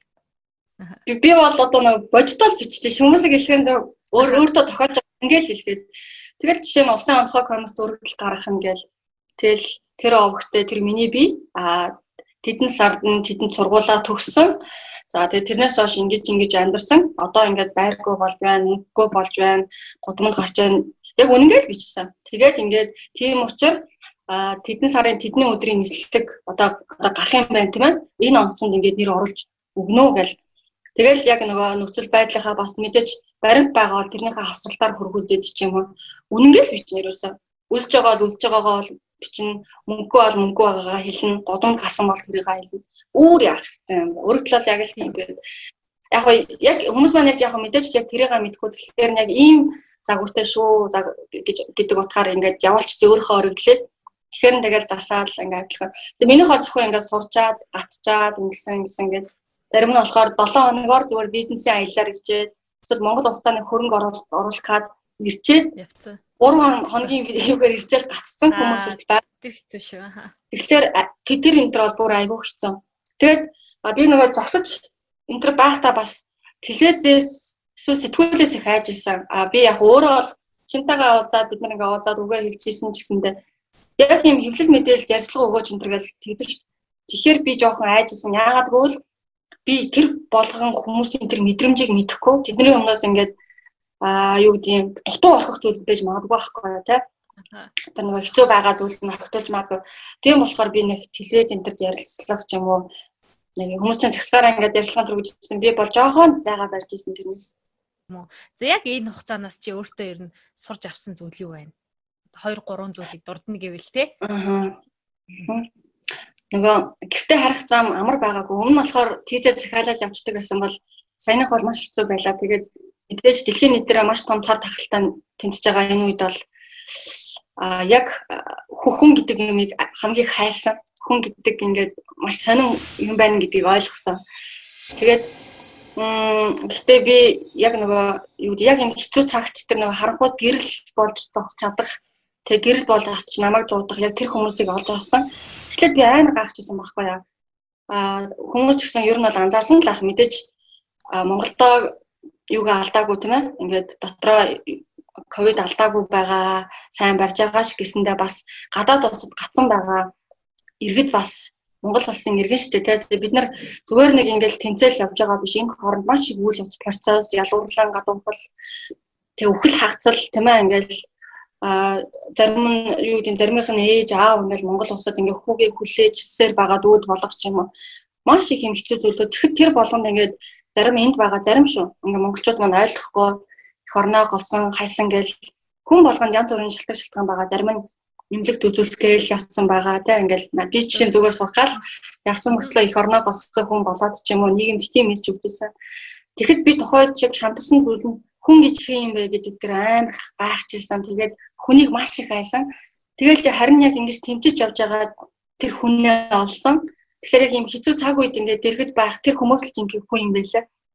Тэгээд яг тэр харанхуй тэр гэрлэн болж зогсох. Та одоо жишээ нь энэ подкаст мэдээж 100 хүн жолтгоо 1000 жолтгоо үдээсэй гэж хэлж байгаа ш. Тэгэхээр яг тэр хүмүүст ингээд бас ингээд хандаж хэлгээд зүгээр л хэцүү үед хин нэгний тэр хажууд зогсдох ингээ гэрэл ингээ гаргаад зогсох тэр гэрлэн байх гэдэг бол амар том агшин шүү. Тэгээд би бол яг энийг сая ковидын үед бол яг олж авсан. Хүнийг л олж авсан гэж хэлмээр байна тийм хин хинбэ Монгол хүний мөн чанар гэж хаана байдаг вэ гэдгийг олж авсан. Гэхдээ одоо ч гэсэн энд байгаа монголчууд маань тийм байгаа. Яг гоо нэг хал тат нөхцөл байдлаар шалтгаалаад мэдээлэл цензуртай цензургүй хандж байгаа авч байгаа мэдээлэлээс шалтгаалаад ойлголт жоохон буруу байгаах гэж бодож ин. Гэхдээ бид нар нэг монголчууд шүү. Тэг яг өөрөөсөө олж авсан зүйл гэх юм бол тэгэл аа хүн хүн сайн сайн таньж сурсан гэх юм уу дөө Тийм бодлоор ингэж харж байгаа юм. Ковид одоо 19 гараад хүмүүс яг нэг мөн чанарыг бүр ингээд а бүр нэг гаргаж ирж байгаа юм шиг санагдаад байгаа байхгүй надаа. Тухайлбал энд одоо жишээ нь ингээд Аз хүмүүсийг одоо миний яг амьдардаг хэсэгт бол Аз хүмүүс них байдгүй хэсэг. А А тэгээд яхаар тэгээ ингээд дэлгүүр мэлгүүр ороод ингээд эхэндээ корона гарч явах үед ингээд дэлгүүр ороод явхаар хүмүүс ерөнхийдөө надаас жоохон холдож молдоол ингээд нэг удаа нөгөө эсинээс болоод ингээд хоолоо ингээд аргаад нөгөө ханаачихгүй юу? Тэгсэн чинь яг эргэж бүр айгүй эргэж харж хараал исэн ер нь. За тиймэрхүү юмнууд бол зөвлөө тохиолддог юм бэлээ. Гэтэ яг би бас дотроос тэгж авсан. Хүний нэг яг нэг хүний мөн чанарыг нэрээ үнэхээр энэ ковид гэдэг чинь хүний мөн чанарыг бас их яг гаргаж ирж байгаа юм байна л гэж бодгдсон шүү надаа. Тэгээд аа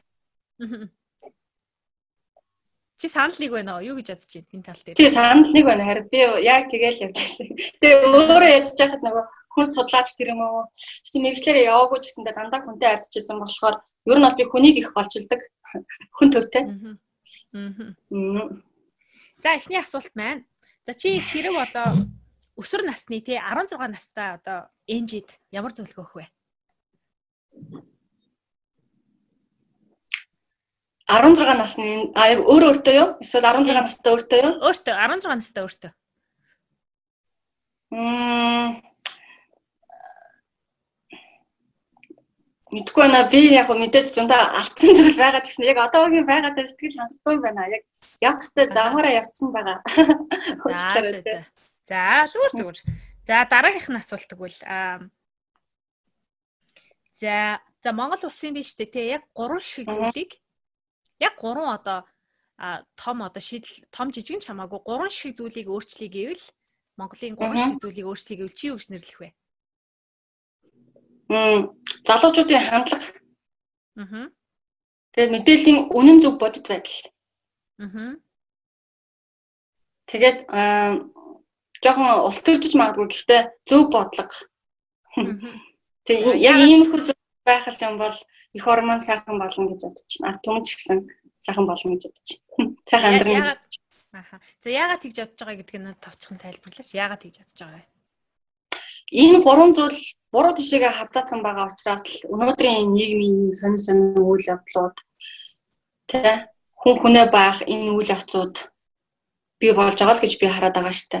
Тэгээ төр нь бодлого ярддаг байж манай Монгол сүгжин а төрөөсөө гадна ард түмэн бас залуучуудаас ингээд зөв хандлагатай байж ич хүмүүс зөв төлөвшин одоо хамгийн чухал нь хүмүүж дээ. Гэхдээ бас би бүхнийг шүүмжлээгүй шүү. Сүүлийн үеийн залуучуудад үнэхээр мундаг байгаа. Иргэд бол юу хүсдэг гэхээр ер нь бол мэдээ мэдээлэлээр их хангахыг хүсдэг.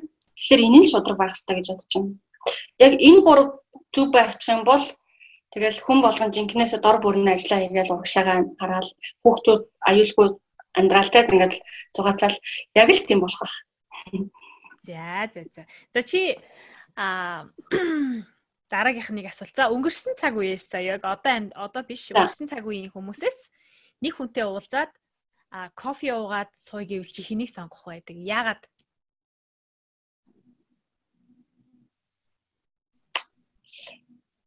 Өнгөрсөн цаг үеэс энэ аяг хэцүү асуулт юм. Гэтэ би тэгж хэлэхэд нэг хамгийн түрүү нэг хүн бодогчлаа л та. За.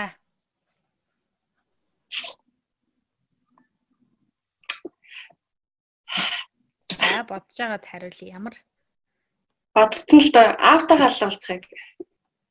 Автагаа уулзах гэж байгаа юу?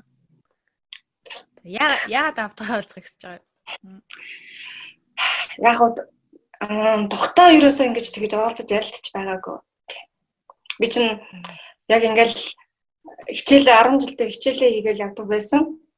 Тэгээд аюух нийгмийн амьдралд ингээд 13-аас агуулаад ингээд хичээл тэгээд тараад сайн руу ажил гээл. Гэтэ одоо юу миний хамгийн бүх тусламжтай өнгөрөөсөн хүн аа боловч яг тухтаа ингээд өөдөөс хараад тэгээд үгүй байхгүй. Тэгэхээр одоо ингээд охин нь ямар явж байна гэдгээ асуугаад зөв байна уу, буруу байна уу гэдгийг асуухыг. Монгол улсад тэгш боломж тэгш тэгш боломж байгаа гэж харж байгаа юу бодож байгаа? Яг чиний хувьд одоо өөрийнхөө өөр дээрээ жишээ аваад харахад тэгш боломж байна уу Монгол улсад одоо өнөөдөр? Аа ирээдүйд би болгоно. Заавал одоо бол байхгүй. Би жишээ нь яг өөр дээр л яриа. Би аа одоо юу 10 жилдээ бол онц сурч ирсэн. Яг л зүгээр нэг ингээл нэг айлын хөөгчтэй манай бол төрийн алба хаагч байсан. Улсын онцгой байдалд ажилладаг байсан. Галч өнөөгч. Тэгэл аваарал ер нь бахархаж өссөн. Тэгээд яг хуу 10 жил онц сурсан, 10 жил ангийн дарга хийсэн. Тэгээд Монгол Улсын сургууль би нэг зогсож Монгол Улсын сургуулийг авч ирсэн. Тухайн аймагтаа шүү дээ. Тэгээд нэгээр орж ирэх бол үнэхээр өөрөөр бол бахархаж ирсэн. Тэгээд би яг тэгж л бодсон. Одоо жишээ нь Монгол Улсын сургуулийг Сөүлийг сургуулж юм уу, Кембрижийг сургуулж юм уу нэг тийм Миний хөдөөний нэг юм оюутан одоо юу гэдэг өсвөр насны залуу хүнд бол ингээд тэр бол амар том юм дээшгээ зүйл ахгүй юм ингээд мөрөөдөлтөд хүрч байгаа юм чи мөрөөдөл ихнэ алах юм дээ. Тэгэж бодоод энэ сургуулийг л аваад төгсчих юм бол миний мөрөөдөл шууд ингээд амьдрал маань дардсан байна гэж бодсон. Гэхдээ яг тийм байдаггүй ингээд төгсөөл ажил хайсан би ч миний голч нүд гэсэн сайн байсан. Тэгээд төгсөөд диплома барайл бүхэл газраар ингээд яваал. Гэхдээ надад ч бас туршлага байхгүй байсан. Монголд нэг юм ядаргаатай тогтолцоо нь болохоор эсвэл боловсролынхаа жишээ нь оюутнуудыг сурч байх явцсан нь одоо тэр одоо нөгөө л миний ярьдаг бодлого гэдэг юм байх хэрэгтэй л да. Жохон чадварчуулах хэрэгтэй нөгөө дадлаг хийсэн ч гэсэн үйлдвэрийн дадлага юм юу байдэнтэй ингээд гэтэл дөнгөж сургууль төгсөнгүүд надаас ажлын шаардлага биш ээ ажлын туршлага нэгдэг байхгүй юу. Тэгээд шинэ ажил хайсан ч гэсэндээ тэнд ажилласан 2 3 жилийн туршлагатай байх, 5 жилийн туршлагатай байх. Тэгэхээр одоо нөгөө миний их сургуулийн хараад яваад байгаа диплом яг хаана хинт хэрэгтэй юм бэ гэдэг асуулт гарчин. Тэгээд ахаа дээрээс нэг авилгалтай нүүр тулна штэ. Тим газар орох юм бол тэдэн сая төгрөг ч юм уу. Тэгэл яг би тийм юмнуудыг зөндөө харж байсан. Би бол тэр мөнгөний өгөөгүй.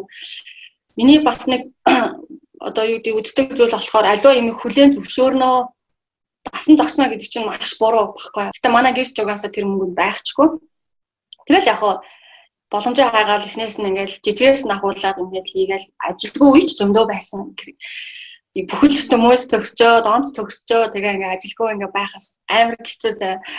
Тэгээд яг нэг газар ороод ахаал дээшээ явъя гэхэлэр яалчгүй гадаад сурсан ч юм уу Монгол улсын маань шаардлага өөр амар өндөр нөгөө хийж бүртээ гэсэн залуу байсаар байтал ингээд яг уул нь тийм байгаад бүгд тийм байдаг бол сайн багхгүй юу. Гэтэл шаардлага нь өндөр ингээд тавигдсан мөртлөө ингээд мэдхгүй байна. Ингээд яг хэнийг нь ингээд лаг гэж дүгнэдгийг хэнийг ундаг гэдгийг сайн мэдгүй. Тэгээ би одоо ямар сандал их орныхоо шаардлагад нийцэх тулд гадаад улсыг зорьсон маань оолн тэрийн тэрнээс би Монголоо голоод энтрол явсан зүйл огт байгаагүй. Тийм. Зөв зөв. За тэгэхээр Тийм байна. Тэгэхээр би болохоор тэгш боломж бол байхгүй гэж боддог. Яг уу одоо угаасаа л тийм штэ амьдрал эдийн засаг нийгмийн байр суурийн хувьд ч гэсэнтэй гэхдээ угаасаа л юм гээд эвлэхгүй энийг тэгэл ахаал нөгөө залуусууд залуучууд бид л засан залруулна тэгш боломжийг бүтээн тийм яг би ахаад миний доод үеийн дүүнер төгсчөөд ажилгүй байгаасаа гэж хүсэхгүй байна. Арын алга өгөөсэй гэж би хүсэхгүй байна тэр нөгөө Наполеон нобор гэж ярьдаг штэ дээр үед бид нар ээж аав ажил үйлсээ бүтээх гэж Эмчнэрт нобор өгдөг байсан. Тэр чинь л ажиглалын нөгөө их суур байсан байхгүй. Тэгээд тэр ноборыг би үе залгамжилж авмааргүй байна, өгмөөргүй байна. Тэ тэр ноборыг татгалзмаар юм тий. Тэгэхээр дараагийн үеийн залуучуудаа бас шинэлэг байгаасаа, шинэ байгаасаа л гэж хүсэж байна. Ягаад зүгээр л залуучуудад айгүй энгийн нэр тий одоо бид нарыг одоо сонсож байгаа үзэж байгаа тий одоо одоо 21-т 20-т эсвэл одоо 18-т өнгөц сургуулаа төгсөн ч гэж болно. Чи ямар ямар зөвлөгөө өгөх вэ? Тэр хүмүүс одоо жишээ ямар одоо санал хэлэх вэ те ягаад нийгмийн оролцоотой байх хэрэгтэй юм? Нийгмийн оролцоо гэдэг нь би бол тэгж бодож байна. Чи аз жаргалтай сайхан амьдрахыг хүсч байвал а бүх зүйл одоо яг өөрөөс чинь шалтгаална шүү дээ. Жишээ нь би ингэж боддог байсан нөгөө нийгмийн хүн бүтээдэг а хүн нийгмийг бүтээдэг гэдэг ийм ойлголт байдаг ш нөгөө юм. Хоёр талтай. Гэхдээ миний олж авсан хариулт болохоор нийгэм өөрөө хүнийг бүтээдэг юм байна гэдгийг олж авсан байхгүй юу Аха. Тэгэхээр залуучууд юу гэдгийг сайхан тэгш боломжтой гоё нийгэмд амьдрахыг хүсвэл ерөөсөө л надаас шалтгаална. Чи өөрөө л нийгмийг бүтээж тэр гол амин сүнсэн. А яг хоо тэгээд хүмүүс чинь угаасаа л ийм нийгэмжтэй гэдэг. Тийм зүйл ерөөсөө биш. Чи харин тэр сайхан нийгмийг бүтээн. Тэгээд яг одоо нөгөө нэг муухай зүйл нь ингээ юу гэдэг зарим залуучууд их муухай муухай үлгэр дуурайл үзүүлдэг шүү дээ. Тэгээд тэрийг олноороо ингээ шуурж үздэг. Гэтэ тэр залуус яг тэр нийгэм бүтээгээд байгаа байхгүй гол нь тэрийг мэдэхгүй байгаа юм. Энэ нийгэм иймдээ биш байхгүй юу тий. Бид нар өөртөө бүтээж байгаа. Тэгэхээр ахаад эсэргээр би сайхан нийгэм бүтээх юм бол тэр тал руугаа явж явах боломжтой. Тэгэхээр л ерөөсөө л нийгэм болж байна би. Хэрэг биш үү те. А хэрэг чи миний оронд одоо байсан бол а яг одоо миний оронд би чамаас ярьцлага аваад сууж исэн бол чи юу гэж асуух байсан бэ? Өөрөөсөө. Аа. Аа, асууж байна. Мм. Одоо чи намайг оо энэ надаас нэг энийг асуучихгүй л нэг жоохон ингээд энэ да гэж бодож байгаа. Жишээ нь асуулт юу вэ? Яг тийм зүйл бол алгал байна л та чи надаас ингээд яг миний хүсэж байгаа асуултуудыг л асууж байгаа. Гэхдээ а яг би чамаас буцаагаад нэг асуулт асуу гэх юм бол а чи бас одоо жишээ нь яг өөрийгөө хэр хүн өөрийгөө үнэлэх муухай л та. Гэхдээ ер нь бол бас ингээд зөв хандлагатай залуу байж чадж байгаа юу? гэж асуух юм? За. Тий. Миний хувьд хүн болгон одоо манад ингэдэм байлаа нөө нийгмийн хариуцлага гэдэг гэхдээ бас давхар иргэний хариуцлага гэж бас байх хэрэгтэй. Чи хэр хариуцлагатай иргэн байж чадж байгаа вэ? гэж асуу. Тэгээд одоо ингээд асуугдчихин. За асуултанд хариулъя. За. За би болохоор одоо сүүлийн яг дөрөв орчим жилийг одоо тухайлбал яг өмнө нь болохоор би яг сэтгүүлчээр ажилладаг байсан. 6 жил тасралтгүй. Эдийн засгийн сэтгүүлчээр үнсэн шудан сонин одоо санд ажиллаж байсан. За тэр хугацаанд болохоор Монголд ингээд яг нийгмийн одоо болж байгаа амьдралыг яг ингээд байнга сурвалжлаад мэдээлэл бэлтгэдэг байсан байхгүй. За одоо болохоор энэ бол цаг үед бол арай өөр байгаа. Ягаад тэгэхээр яг одоо Америкт одоо сүүлийн 4 жил ингээд сураад амьдраад ингээд байж явах та асуудлыг бол яг цонхоор харж байгаа хүн шиг одоо асуудлыг харж байгаа байхгүй да яг одоо яг дотор нь орж сурвалжлахаас шал өөр ягаад тэгэхээр энэ бол яг ингээ өнцгөөс одоо харж байгаа хгүй зөвхөн мэдээлэл авч байгаа. Би бол ямар ч дотор нь оролцоо байхгүй байхгүй надаа. За тэгээд надад юу гэж бодгцсан бэ гэхээр зүгээр яг өөр нийгэмд амьдраад үзэхэр хүн угаасаа а юу ингэж бодгцсан. Өөр нийгэмд амьдраад үзэхэр хүнд ер нь бас яг жоохон харьцуулалт угаасаа гардаг те. Биний Монгол улс жишээ нь ягаад ийм одоо тий боломжтой. Ягаад метрогоо бариад ажлын байраа бэлдээд ягаад бид нэр ингэж цалингаараа одоо жишээ нь цалингаараа сайхан ас жаргалтай амьдран тий ажиллаа хийгээд амьдрч болохгүй гэж тийм бодол төрдөг юм бэлээ. Тийм бодол төрсөн надаа. За тэгээ би яагаад одоо жишээ нь ууна чат гэдэг подкаст эхлүүлсэн нэг зорилго маань яг л тийм байсан. Одоо яг сонгуулийн үеэр ялангуяа би маш их ингээд нилээ ингээд ажиллаад ингээ хараад байжсэн. Тэгээ тухайн үед надад юу гэж бодогдсон бэ гэхээр за би яг одоо Монгол улсын хувьд хөгжил одоо нийгмийн тэгш боломж одоо салбаруудад боловсрал эрүүл мэнд одоо нийгэм гэсэн одоо чухал салбарууд байгаа шүү дээ. Бид нар тэгш боломж бидэрт яг ингээд харагдахгүй байна. Тийм болохоор ингээд би одоо өөрийнхөө дүүнэр өөрийнхөө ирээдүй одоо өөрийнхөө хүүхдүүд бид нар яг адилхан байхгүй бид нар ирээдүйдээ бид нар яг одоо энэ байгаа одоо энэ өвлж авсан одоо энэ ирээд одоо энэ байдлаас илүү сайхан амьдрал бэлгэх ёстой гэж бодсон. Тийм болохоор одоо жишээ нь би ууна чат гэдэг энэ подкастыгаа одоо нийгэмд эрэх хандлага түгээхээр түгээх одоо ийм зорилготойгоор эхлүүлж байгаа. Тэгээд би одоо өөрийнхөө миний хувьд бодож байгаа бол одоо биний нийгмийн хариуцлага одоо багч гэсэн биелүүлэхийг одоо хүсэж байгаа оролдлого маань юм гэж хэлмээр байна. Аа. Баярлаа. За. Одоо тийм уулнаас залуучууд маань ингээд миний анзаарснаар ингээд тал бүрдээ ингээд хандлага нь бас өөрчлөгдөж байгаа дандаа шүмжлээд байгаа биш бас өөрчлөгдөж байгаа бас ингээд зөв ярьж байгаа мундаг залуучууд байгаа. Тэгээ бид нэр гол нь нэгтгэл их чухал байна л да тий. Ингээд дуу хоолойгоо өний төлөө дуу хоолойгоо хүргээд явбал энийг юм өөрчлөх байхаа гэж итгэж штэ. Харин тийм тэр өнөө өнөө бид нар яг сүүлийн үед бас яг санал нэг одоо ингээд яг залуучууд сүүлийн үед бол нилээ ингээд эрэг хандлагатай бас өөрсдөө бас тий гадаадстад яваад үзсэн боловсралтай тэгээд яг гिचнээ Монголдо ингээд сайхан амьдарч байгаа хүмүүс бас зөндөө л энэ заавал гадаад явах гэх албагүй шүү дээ. Тэгээд яг нэг багч гэсэн ингээд эрэг хандлага эрэг одоо ингээд эрэг мэдээллийг эрэг хандлагыг илүү түгээгээд бид нар ягаад гэвэл энэ нийгмийн чинь бид нар ингээд дараа дараагийнхаа үр хөвгттэй өвлүүлж өгөх нийгэм шүү дээ. Энэ нийгэм гэдэг хүмүүс өөрсдөө л гэсэн үг те. Тэгэхээр бид нар илүү одоо Монгол гэсэн улсыг яг улс чигээр наваад үлдээд яг энэ улс маань уршин тогтноод Монгол улсын иргэн гэдгээрээ жишээ нь би ингээ бахархаж амьдрмаар байгаа байхгүй тий. Тийм болохоор бидний оролцоо бол маш чухлаа. Багч гэсэн бид нар ингээ үзэл бодлоо илэрхийлээд илэрхийлсээр л байх хэрэгтэй гэдэгт бол би бас 100% 200% яг санал нэг байна. Нөгөө хүний биеийн эрүүл мэнд маш чухал боловч ахаад одоо анзаарах ёстой хамгийн чухал асуудал бол нийгмийн эрүүл мэнд болчиход байна тийм ээ. Тэгэхээр эрүүл нийгэм бид нэр амьдрах ёстой. Тэрийг бас яг анзаарсан. Санал нэг байна. За цагаа гаргаад ярилцаж байгаад маш их баярлалаа. Ингээд Эрдэнэ зулдаа. За ерөнхийдөө хоёлыгийн ярьцлага яг ингээд дуусах тал руугаа одоо хандж чинь. Тэгээд дараагийнхаа нэг зүйлийг би зүгээр чамаас одоо яг ингээд тодор асууя гэж бодлоо л доо. Одоо нийгмийн ингээд сайн дураа одоо тухайлбал ингээд гадаад гацсан монголчуудын одоо холбооч гэдэг юм уу энэ дээр ингээд туслаад ингээд явхад чамд ямар нэгэн цалин тэтгэмж бол хинч өгөхгүй шүү дээ. За яг ямар зүйл чамааг ингэж одоо сэтэл төрүүлээд яг яагаад одоо чи цагаа цагаа өөрийгөө ингэ зориулж байгаа л гэсэн үг үнгүй шүү дээ.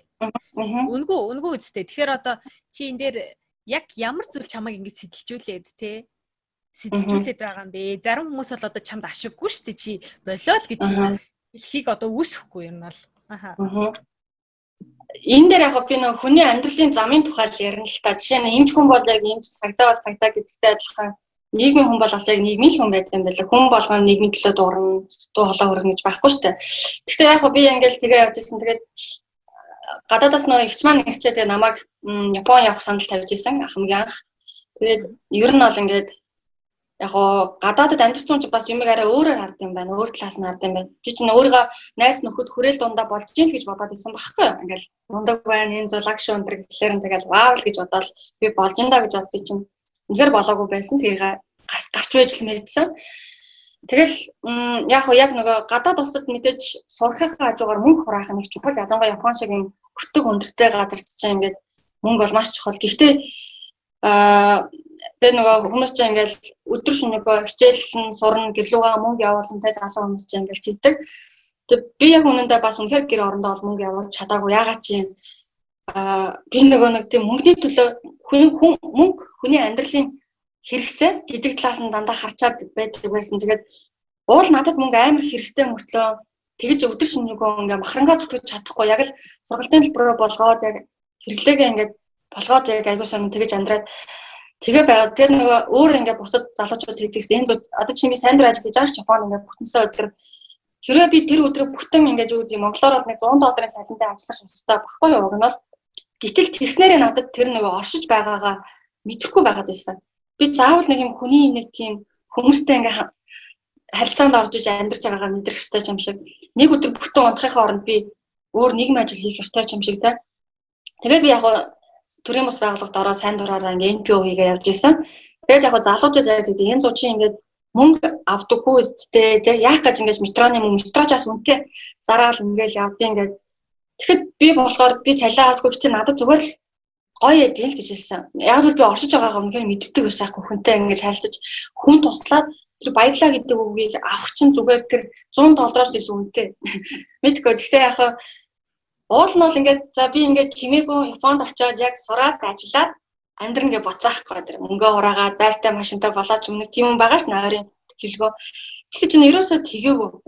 Надад яг одоо ингээд хураасан зүйл тахаа тэр сая бол гацаад хинхийн дуусгачлаа бүр ингээд. Аваа нэг жоохон байсан чинь тэгээд байр ингээд ажил бажил бүх юм зогсцоо учраас тэгэл юу ойлгосон уул нь чимээгүй амьдрах гэж явсан чинь буцаал нөгөө Монголд байсан тэр хөрсөр насны эсвэл тэр оюутан насны эсвэл тэр нэг ажиллаж явах үеийн буцаад яг тэр зам руугаа оролцохгүй. Тэгэл би ерөөсөө л миний явах ёстой зам энэ л юм байна л гэж хэлсэн. Гэтэ нийгмийн хүмүүс жоохон аа юу гэдэг ахиц дэвшгэн жоохон удаан байдаг. Айгуу удаан байдаг. Миний үеийнхэн бол одоо лаг бүтээж байгуулсан юмтай боломжтой та ингээл гэр бүлтэй бүхэл юм байгаа мөртлөө надад бол ингээд яг аваад нэг тийм гайхуулаад нөгөө одоо манайхаар бол үйл хөдлөх гэдэг шүү дээ. Нэг тийм зүйл бол байхгүй мөртлөө. Яг хоо тэгээд өөрөө өөртөө юм сайхан байж чадж байгаа байхгүй. Тэр л энэ да тэгээд. Тэгэд аяанда болох бах. Тэгээд бас гэр бүлийнхээ манаас намайг ойлгох бах. Би гэрийнхнаасаа жаахан өөр тайлтай манай ах эгч нар бол яг ингээл ажиллаад цалингаа аваад үнцэн ажиллаа игээл яг ингээл явдаг би шал өөр болохоор тэгээд жоохон хэцүүж яж магадгүй гэтээ тэр болгон тэгэл ойлгодог дөө эсвэл чимээгүй байдаг заримдаа энэ юу хийгээд байгаа гэж ойлгохгүй байгаа юм байдаг гэтэл буруу байна гэж хэлдэггүй зөв зөв Хизэж харамсахгүй мэн те. Хизэж харамсахгүй мэн те. Харамсахгүй гэсэн үг те. Харамсахгүй. Тэгээд би нэг нэг зүйлийг ойлгож авсан шүү дээ. Нөгөө Японд ч би ингээл нүүгээд за яг мэдээж эхлээд бол өөрөө юм уу болгоо явж байгаа сүүлдээ ингээл яг нойл заагаад хэсэг үед тэгсэн мөртлөө би өөрөө хов асан байсан мөртлөө надад тусламж хэрэгтэй байна гэж хинт хандаж үзэж байгаагүй. Ер нь бол а өөр байргүй хүмүүст би байр олж өгөөч ч юм уу яг тэгэж явж ирсэн нь өөрөө бас жоохон бардам. Монгол хүн ер нь тийм штэ. Тэгээ би ч бас яг тийм бардам. Тэгээд аа тэгэхэд харин надад зүгээр гинтл ингээл огт танихгүй хүмүүс зүгээр намайг мэддэг хүмүүс маань янзуу ингээд чи гацсан байгаа мó эсвэл хэцүү байна уу ахын туслах уу чин туслах уу гэд яг тэгээд ингээл ороод эсвэл огт танихгүй хүн надад туслаад ингээд ирэхээр юу ойлгосон гэхэлэр хүн яг зөвл амьдрах юм бол зөвл байна гэж ингээд явах юм бол урагшаага авах юм бол тэр эд юм уу ертөнцийн эд юм уу цаанаасаа ингээд зөв хүмүүсээр түшээд хүрээлэл хүрээллийн манд бий болгоод тэгэл явд юм аа гэж би ойлгож авсан шүү. Мөнгнөөс илүү. Тэгэхээр бас болох байх л гэж бодсон. Гэхдээ мэдээж одоо бол өөрийн хувийн ажлаа хийгээд явна. Гэхдээ ямар ч лсэн би бол буруу хазаасан гэж бодохгүй байна өөрийгөө тийм. Мөрөөдлөөс овалцаач тийм ирээдүйн мөрөөдөл юу вэ? Миний мөрөөдөл болохоор яг эмэгтэйчүүд хүүхдүүдэд чиглэсэн том хуулийн тийм байгууллагатай болох одоо юу гэдэг эрхийг хууль юм шиг эрхийг хамгаалдаг тийм байгууллагатай болох. Гэхдээ дандаа юм нийгмийн юм яриад байгаа дуучлаар миний зам гэсэн гэж төсөө. Яг баг хатаа л яг тийм юм мөрөөдөөд их сургууль төгсчөөд эхлүүлсэн. Тэгтээ чадаагүй надад хүч нөгөө эрх мэдлэнч байгаагүй. Нэг бол цүнх баригч болох ёстой байсан. Гэхдээ би цүнх баригч болоогүй. Тэгээ яг хоо тэхийн тулд мэдээж өөрөө өөрийгөө олж авах хэрэгтэй юм байна. Өөрөө нөгөө хүн шиг хүн болох хэрэгтэй, эд хөрөнгөтэй. Эдийн засгийн бас нөгөө нэг та бас нөгөө юутай байх хэрэгтэй гэдэг юм ол ойлгож авсан асан. Тэгээд мөрөөдөл бол яг л тийм том эмгтээчүүд хүүхдүүдийг хамгаалах тийм үндэсний төвч гэдэг юм уу яг тийм том үедээ болох байгууллагатай болох. Гэхдээ тэхийн тулд бас өөрөө ирээдүйд хууль хэрэгжүүлэгч бас байж болох гэж бодож байгаа. Гэхдээ одоо бол арай болоогүй би суралцаад явах хэрэгтэй хуулийн төвшөнд хуулийн баталдаг хүн болох хэрэгтэй ч юм уу. Тэгж бодож байгаа.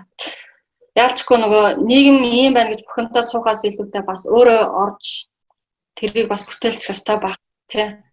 Улс төрийн оролцоо магадгүй хэрэгтэй бол орно. Гэхдээ нөгөө надгүйгээр болцохоор бол би орохгүй. Аа надгүйгээр болчихгүй байх юм бол орно гэж бодож байгаа шүү дээ. Гэтэ энэ мөрөөдөл биш зүгээр тэг мөрөөдөл миний мөрөөдөл яг өөр юм нэг боддог шүү дээ. Аялал центр бол яг хөө тэгэл хүсэл байж болох зүйл ах та. Аа. Тэг мэдээж сайхан антай болох.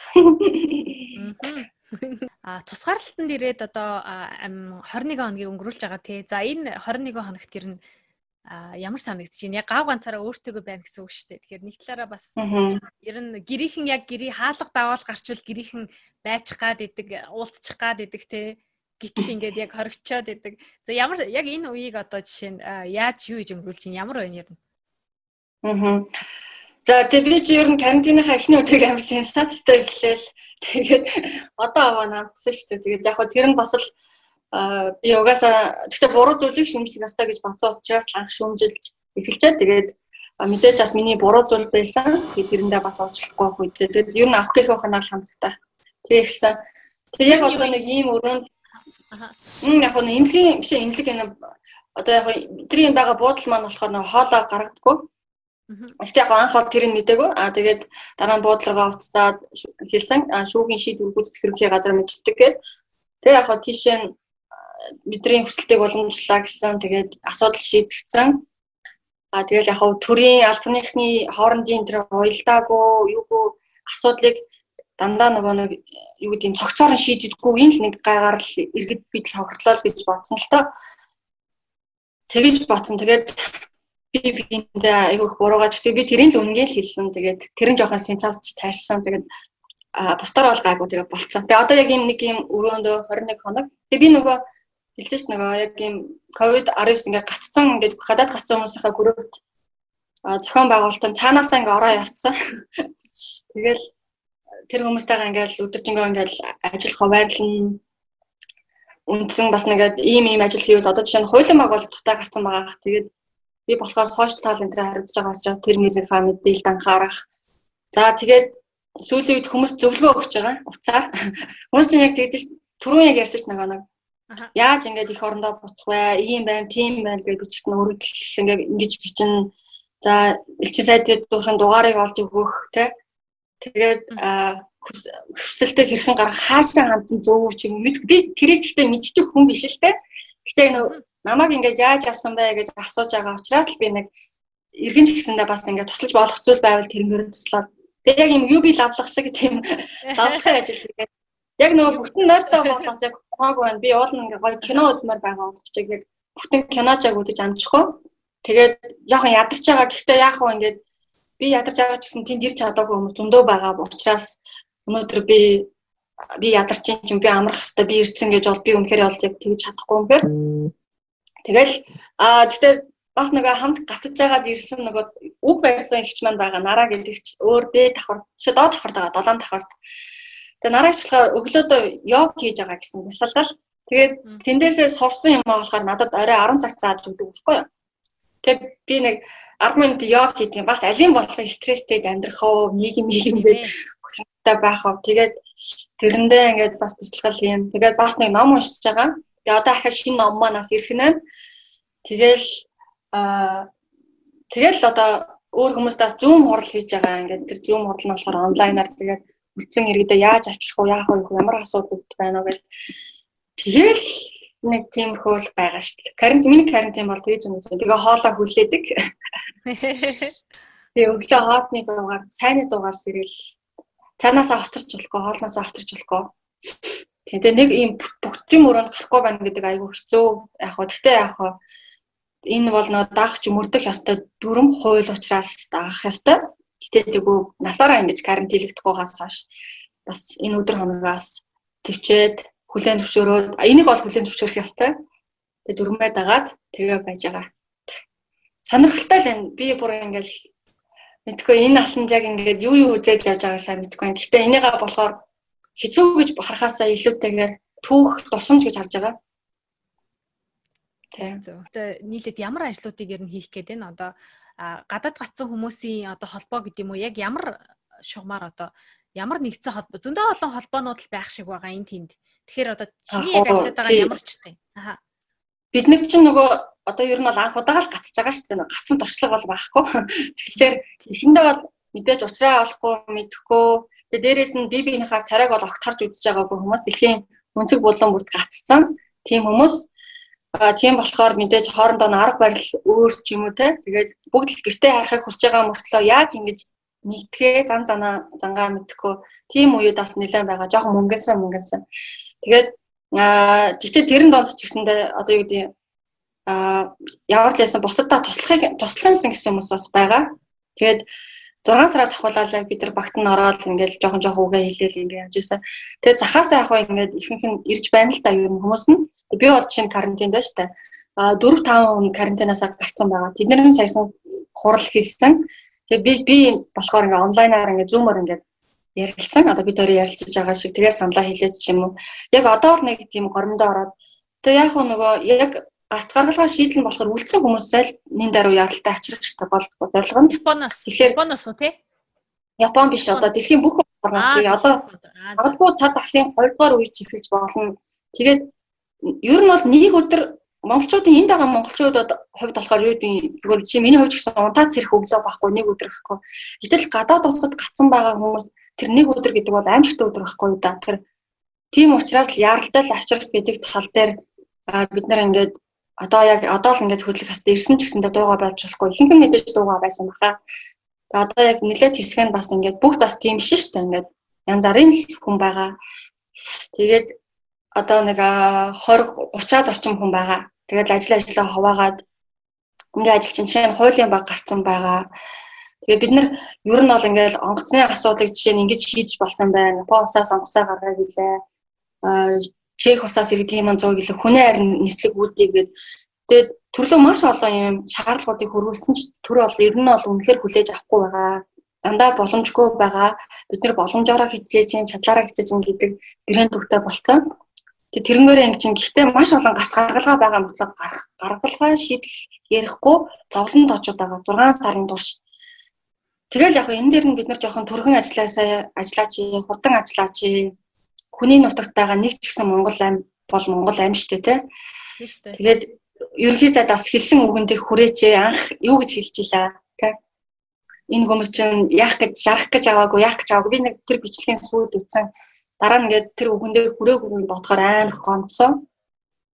Эр хүн юм бол бас хэлсэнтэй хөрсөн шиг уулан байх хэрэгтэй байх тий. Тэгээд одоо ер нь бол төр засаг гэж харж эхлэхээсээ илүү бас бид нар өөртөө нэгдэх ёстой гэдгийг маш зөв ойлголттой нэгдсэн ойлголттой болсон болохоор аа тэгэл өөртөө дуурал аль болох гэхдээ хуулийн хүрээнд бүх юмны одоо дээд зүйл нь бол юу штэ хууль штэ тэгэхээр хуулиар бол бидний эрх бол үнээр зөрчигдөж байгаа. Тэгэхээр хуулийнхаа өрөөнд өөртөө ихэн төлөө явах гэж байгаа. Тэг тэгэл ажиллаж байна да. Тэг би яг нөгөө өмнө Facebook нэг ашигладаггүй байсан. Тэгээд гэртээ харах ганц ганц сувг маань сошиал болсон шүү дээ сүүлийн үед бол тийм ээ маш өвчмтэй бүх хүн л сошиал ялангуяа гадаад тусад гацсан хүмүүс бол сошиалоор л ингэж мэдээ мэдээлэл хуваалцаж байгаа учраас тэгээд тийм учраас би Facebook ашигладаг болсон. Тэгээд өмнө ингээд Монголын мундаг мундаг залуучууд лаг лаг хүмүүс ингээд юу гэдэг подкаст тэгээд ютубер бол блогер болоод ингээд юм хийгээд идэв. Тэгээд би нөгөө Японд ажиллаж байхдаа нэг залуу охиныг харсан л та. Юу вэ гэхээр тэр яг ингээд фэйсбүүкээр ингээд юм ярихдаа амар лаг мундаг те. Ухаантай лаг ингээд яриад байдаг мөртлөө. Яг Японд очсон тэр охин тэр нөө фейсээр одоо блогероо блогероо ярьдаг охин. Тэгээд яг бодит амьдрал дээрх охин шал өөр байсан байхгүй. Зүгээр л нэг тийм манайх нар бол хэлбэр гэж ярьдаг штэ тэ? Зүгээр л нэг тийм хүмүүсийн хандлтыг авах гэсэн сайхан харагдах гэсэн ч юм уу. Яг тийм зүйлийг би харчаад за ийм байж болох уу гэж тэр охины өмнө зүгээр гомд юу юу гэвэл санаа зовж исэн. Тэгэхээр одоо юу гэдэг нийгэм өөрөөсөө бас нөгөө түрүүн тэгсэж нөгөө гутарч байсан зүйлийг юу гэлээ өөрөөсөө. Одоо өөртөө гутарч байсан зүйлийг за гутрахал гэх хахта тийм. Миний болохоор ингээд нэг зүйл ийм байсан юм. Би фэйсбүүк дээр ингээд японд нэг хаяа нэг ганц бонд урт хөхтэй би их юм бичдэг болсон. Тэгэл юм бичгээр хүмүүс ингээд мундаг шүү лаг шүү гэдэг ингээд гой гой бичсэн шүү гэхдээ тэр магтаалын үгийг авахаар би заримдаа бодит байдал дээр надад чадахгүй зүйл маш их байсан байхгүй юу. Надад дутуу зүйл зөндөө их байгаа. Тэгэнгүүт би яг өөртөө ингээд энэ зүү ингээд өнөөдөр би Facebook дээр өөрийнхөө тухай ингэж бичиж байгаа шиг өнөөдрийн бодит байдал дээр энэ зүү яг адилхан байх хэвээр. яг энийг л юусоо гол авч явах хэрэгтэй. Тэгээд өөрөө өөртөө хэлжсэн. Тэгээд яг тухайд бас амар гутарч исэн байхгүй. Хүмүүс магтуулаад байдаг. Гэхдээ бодит байдал дээр энэ зөв чадахгүй зүйл маш их байгаад байдаг. Тэр бичиг пост оруулах чинь бас ингээл нэг тийм нэг юм хэлбэр штэ ер нь бол яг үнэндээ тийм. Гэтэл яг үүний хэрэг дээр хүн чанар дээр энэ зөө эрдэнэ зурх юм байх ба гэдэг нь амар чухал. Энэ хоёр хоорондоо зогтчих хэвээр. Тэгэхээр би юу хэлэх гээд байна вэ гэхээр Монголын залуучуудаа гэсэндээ зөв үлгэр дуурайл болж байгаа ч гэсэндээ бусдын юм битгий хэлбэр хөөгөрөө тэ яг л ингээд байгаагаа тэр кеможигоороо тэр өдрөмжээрээ ингээд альва асуудалд ингээд хандараа гэж хүсээд яг тэгвэл сүүлийн үед маш их юм блогерууд ингээд залуучуудыг одоо юу гэдэг одоо хандлагыг өөрчлөх гэж байгаа. Гэхдээ сайн л та. Гэхдээ ямар ч лсэн хамгийн гол нь тэр уг хүн нь тэр бусдад харагдж байгаа хүн хоёр нь таарах ёстой. Бид бүгдээрээ яг энэ дээр анхаарах юм бол зөв байх болов уу гэж бодож байна. Тэг би бол яг энийг л хэлмээр байна тийм. Тэгээд надад ч гэсэн гэхдээ дутуу зүйл зөндөө байгаа. Би болоогүй байгаа шүү дээ. Яг би чи амьдралын явцад үргэлж суралцдаг шүү дээ. Яг бүх насаар шүү дээ. Суралцдаг гэдэг нийгмийн ухааны онол байдаг. Тэгээд суралцаад явж байгаа би хийжүүн, гэрсүү надад буруу хандах зүйл зөндөө байгаа. Тэгтэл тусгаал явж байгаа. Тэгээд а дээрэс нь бас өнөөдрийн подкастаа ингээ оролцуулаад айгуу гоё тийм чөлөөтэй байна л да. Тэгвэл би өмнө нь бас нэг подкаст орсон болохоор дандаа зовлон таажсан. Гадаад ийм байна, гацсан хүмүүс ийм байна гэдэг. Яг өөрийнхөө тухай ингэж яг уудалж яриаггүй. Тэгэд заримдаа хүмүүс чинь энэ зоч чинь ийм тийм гэл тэгтэн би болдог бол сэтгэлээ дэлгээд харуулчих юмсан гэж их боддог байсан. Үгүй би ч уг нь ийм ч тэгээд тэг тэрийг маань бас ингээд яг хоо энэ зогж яг хинбэ гэдэг нь бас нэг нээж өгөх бас гоё шоу болж өглөө гэж бодож байна. Тэгээд намайг ингээл олзуурхаад ярилцсанд маш баярлалаа. Тэгээ би ярьж байгаа шиг хүн байгаа төлөө явна л гэж хэлмээр байна тийм. Өөрт чинь маш их баярлалаа. Унада баярлалаа. За чам ч гэсэн маш маш их баярлалаа. Тэгээд а одоо карантинаас одоо хурдан гараад гэртээ ээж ээж дээр очиод иш иш дээр очиод гэртээ очиод хурдан уулзаараа. Тэгээд бүх одоо ирээдүйд нь олон сайхан зүйлийг хүсье. Ингээд санд сэтсэн одоо бүх зүйл нь бүтэх болтугай. Ингээд олон сайхан ийм мэдээллүүдийг залуучуудаа хуваалж нийгмийнхээ одоо багч гисэн одоо өөрчлөлт хийхээр багч гисэн дуу хоолойгоо хөргөж өөрийнхөө цагаа өөрийнхөө цаг заваа одоо тий зарцуулан байж үн төлбөргүй одоо цаг заваа зарцуулан байж ингэж одоо ковид лавлах болж тий ихний одоо ингээд карантинд байгаа ч гэсэн хүмүүс зөвлөгөө өгөөд ингэж яагаад үнэхээр одоо их барах чинь бас тийм болохоор Баярлалаа гэж хэлье. За тэгээд амжилт хүсье. Баярлалаа. Чамд бас амжилт хүсье. Баяр таа.